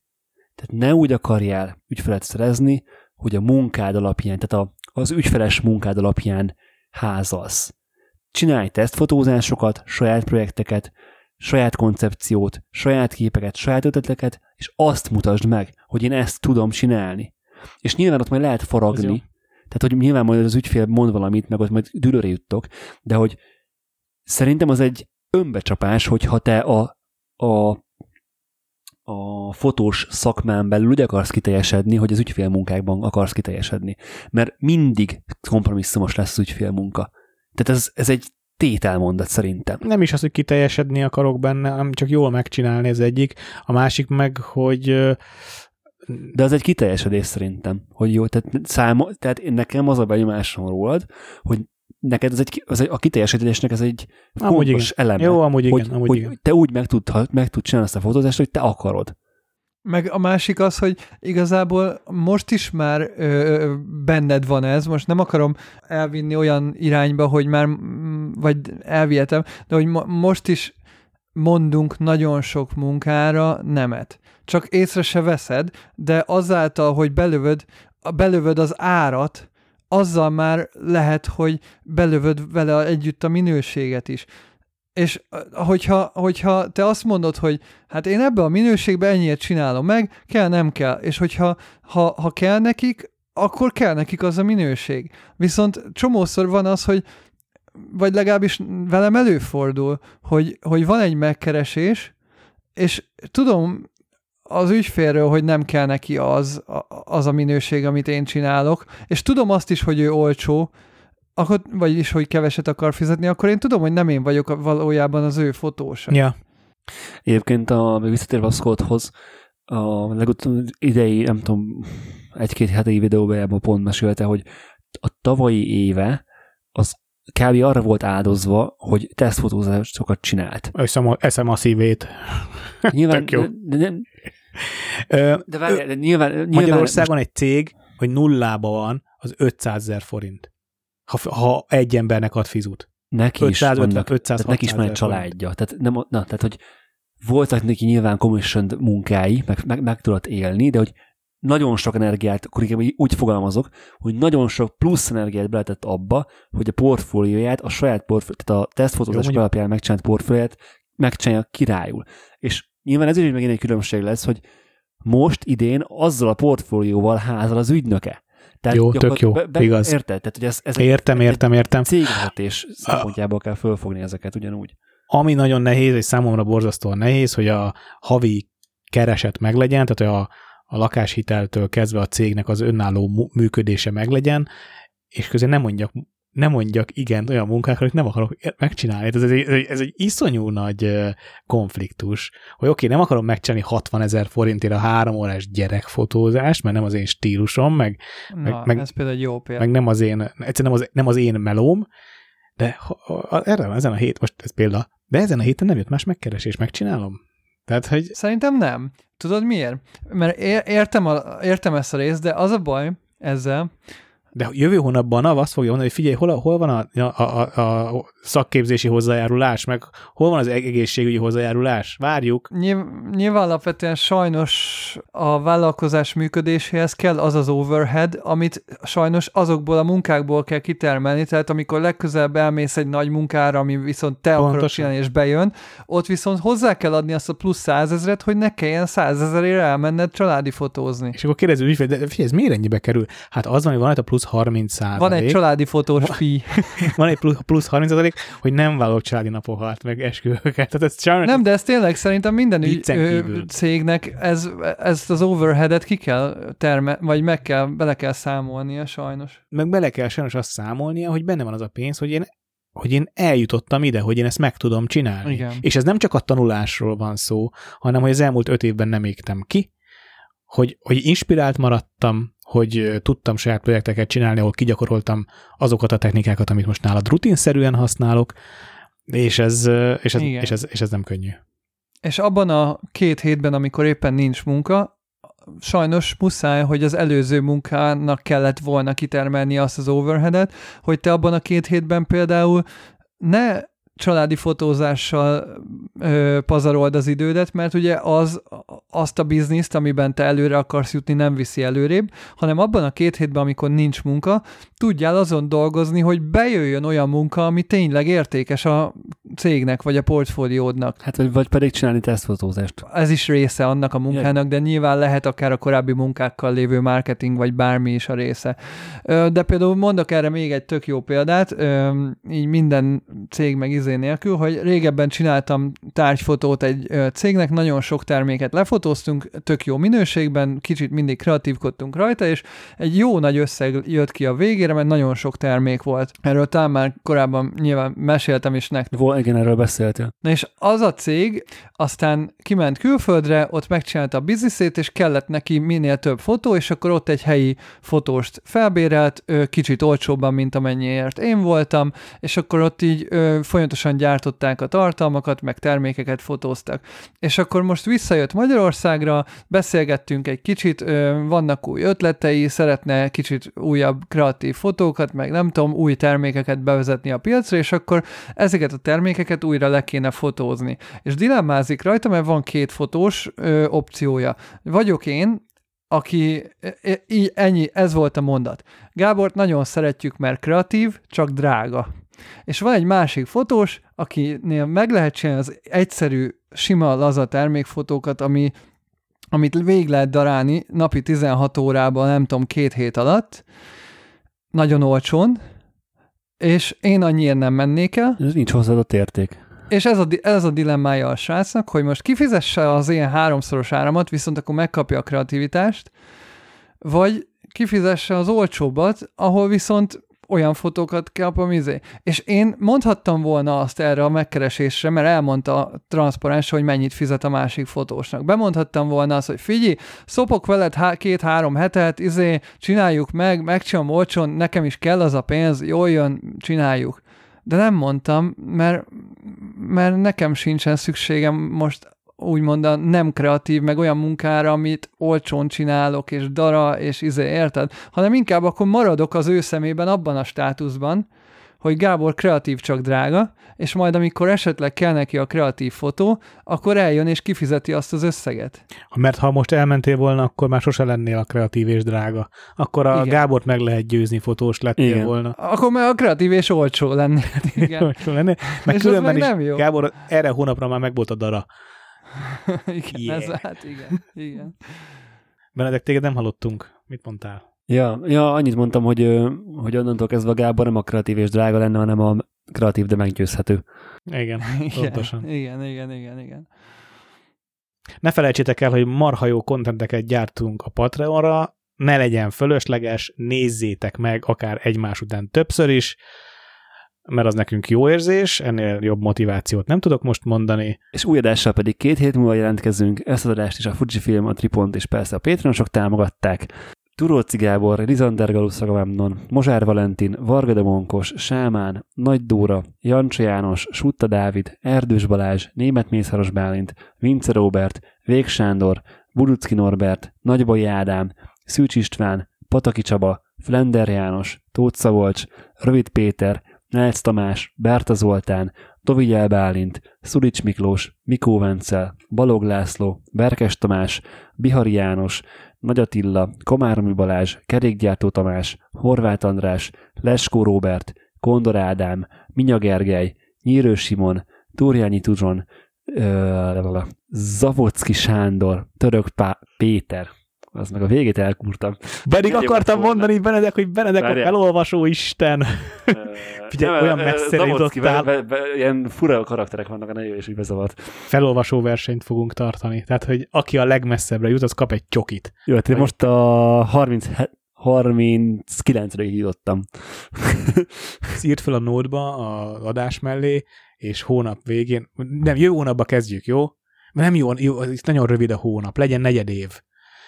És akkor aki, aki a legmesszebbre jut, az meghívja a többieket egy kör. Nem kell túl nagy dologra. Az a baj, már az meg burgerre meghívsz valaki 15 ezer. De, De miért nem, aki a Aki a legkevesebb? legmesszebbre jut, az a hát, aki a legkevesebbig jut. Ja, tényleg. tényleg a loser, legyen a loser, igazad. Nyilván. Az a baj, most magamra húztam a vizes Hát lepedőt. így van, ahogy a én ám- paratus munkát is. Ja, ja, ja, ja. Én vagyok a legla... eb- ez Döbbenet. Én, én nagyon rosszul olvasok föl. Nagyon rossz. Nem baj, de minél több nevet szeretnénk felolvasni. Így, így, így, így, legyen csak challenge. Legyen csak challenge. Gábor, megnéztem az istenverte webshopokban, jó, legyen, na, izén a Triponton megnéztem a, a, a Canon árakat, 8 millió forint egy, egy, egy 1635, 2870, uh, 8512, mert az kell, 7200 F4, és R5, R6, ez 8,8 valamennyi. És ha 10% kedvezménnyel élek, akkor is, hát még az most nem lenne rossz, mondjuk. Jó, de rakjál már össze egy kosarat, amiben benne van akkor a Nikon ö, Z7 II, vagyis majd inkább a Z8, Igen, az ennek az drága ára, lesz, az drága R5 lesz. helyett, akkor a Z6 II az R6 helyett, 85 2 akkor a Nikonnak a 14-24-es 2.8-asa, ami ugyanolyan drága, mint a 15-35, de csak 24-ig megy ki, és talán ilyes sincsen benne, és 2870 F2 meg nem létezik a Nikonnál. Ó. Tehát, hogy gyakorlatilag olyan upgrade-et fizetsz ki, a, ami Jó, persze, hogy az upgrade-et fizetek ki, de nem tudom kifizetni. És ez a keserűség. De hogy Nikonnál is 7 millió lenne, nem 8 mondjuk. Igen, csak ez Egy megoldás, Na. Sony A7 4, Sony A7 R5. mik ezek? Mik ezek? Ezek Fény, fényképezők. meg kamerát is gyártanak? Vagy, vagy Pentax. Jó. És arra vehetek ugye a Sony-ra 35, ö, mennyi a 150 F2, 2.8-at, Igen. alá valami, nem tudom mi, Jó, alá 17-28, egyértelmű. Egy Sony A7 meg az a Tamron 28-200, amit kipróbált. Na tessék, Ja, tényleg. ennyi. Meg is vagy. Jó. Megnézem még a Z8-at azért, hogy mi, le, mi lesz. Nézd meg az A7 R5-öt. Rohadt életben nem jelent meg. De az A7 erőt 2 és 2,3 millió. Mint, a- hát annyi, mint az R5, nem? De miért venne A7 erőt? Nem, nem, Ne. nem, nem, nem, nem lehet megfogni fizikailag. Dehogy nem. De az meg le kéne vágni az új végeit, meg kicsit még le is kéne csiszolni, nem, nem szeretem az ujjaimat. Csodálkozom, hogy a Sony még nem gyártott, mondjuk nincs szükségük rá, mert most is ilyen kamerákat gyártak, amit nem lehet megfogni. Tudod, ezek a kis kocka kamerák, mint ami a Panasonicnak is van. De nézd már meg, mert figyelj, a Hasselblad Hát de 907, az FX3 az pont olyan. a Hasselblad 907X-et csodálatos élmény volt megfogni. Nem mondom, hogy nem mondom, hogy dolgoznék vele 12 órát rendezvényen. De... Peti, hát De még nyakad szerencsé van, az nem egy a rendezvényes kamera. Jó, az nem annyira az. Tehát ez egy semennyire nem az. Nem, igen. igen, igen, nem az. One-t javaslom, egyébként a One-t javaslom rendezvényre, Peti, úgy hallottam, hogy az remekül működik. Nem, én, én egy nagy formátumú, és így mindig kihúzod a filmet oldalról belőle, tudod, amikor váltanál. És rájuk szólok, hogy nem mozogjanak. Uh, megnézed a videómat, Benedek? Még nem, nem volt rá Na. sajnos időm. A hántolást akartam megmutatni. Elhiszem. 5 De még- másodperc alatt készült el az Még éles mi, kép. de még mindig fenntartom, hogy, eh, tehát, hogy amikor, tehát hogyha olyan... a fotós, aki ezt keres. Nem, nem, nem. Tehát, ha te olyan fotós vagy, aki egy sportfotós géppel szeret portrézni, akkor nem ez a kamerád. Én olyan Ennyi. fotós vagyok, aki portrézni szeretne, és nem teszem hozzá, hogy milyen géppel, csak működjön. Jó, egyébként nem, nem, a, nem alkalmas erre, na, de másra meg biztos jó. Tök, tökre, Szerintem nagyon sok olyan szituáció van, ahol még, a, még az autofókusz se kell. de egyébként ez igaz. Tehát, hogy ö, nyilván a te, ti stílusotokban, a ti fotós stílusotokban egy portrének kell az autofókusz. De nem, nem csak az a portré stílus létezik a világon. Meg egyébként adás témába vág, hogy olcsón dolgozunk. Tehát, hogy e- amennyiért 40 portrét adunk el, ha egyet adnánk el annyiért, akkor lehet, hogy lehetne ezzel dolgozni. Nem, akkor se dolgoznék ezzel, csak elraktam a pénzt. Ah, Jó, az a, jó. jó. jó. El volt tudjuk, hogy a, amire nem Canon van írva, az nem lehet a táskádban. Visszacsatolva az adásra, a vállalkozás fenntartása ott kezdődik, hogy nem költöd el minden pénzedet kamerára, Például Canonra hanem olyan dolgokra teszed el a kamerádat, a, pénzedet. vagy mi a pénzedet, ami például a következő projekt alatt a Így. jobb képek elősegítését ö, Igen, igen. segíti, ami viszont az, hogy mondjuk költesz marketingre, költesz weboldalra, költesz tanulásra, költesz szabadságra. válaszolt a videós cég, akit megkérdeztem, a RAW filtert. Ge- Benedek, a, az Ádámékat kérdeztük meg a RAW filtert egy eh, reklámfilm készítésre. Tudod, a jó van ez így Ádám, fókuszcsoport Ádám. És kértem tőle egy árajánlatot reklámfilmre, ami azt, hogy milyen hosszú nem szabtam, meg csak leírtam, reklámfilmet? leírtam, hogy mi, kell, mi, mi legyen benne, hogy ö, 15 embert nagyon röviden meginterjúvolnak, hogy hogy érzi magát a fotózás előtt. Mindig mindenkit megkérdez, szia, na, hogy vagy? Fú, nagyon izgulok, na, na, utálom a fotóznak, ez így elhangzik, bejönnek hozzánk, ott vágókép, meg mosoly, meg izé, és kimennek. És utána, na, milyen volt? És a, és a reklámfilm puff ennyi, és nem tudom, 5-6 perc. És erre most kaptam ajánlatot, uh, azt majd Gábor elmondom, mi lett, aztán meg tanácskozzuk, hogy, hogy megrendőjük-e.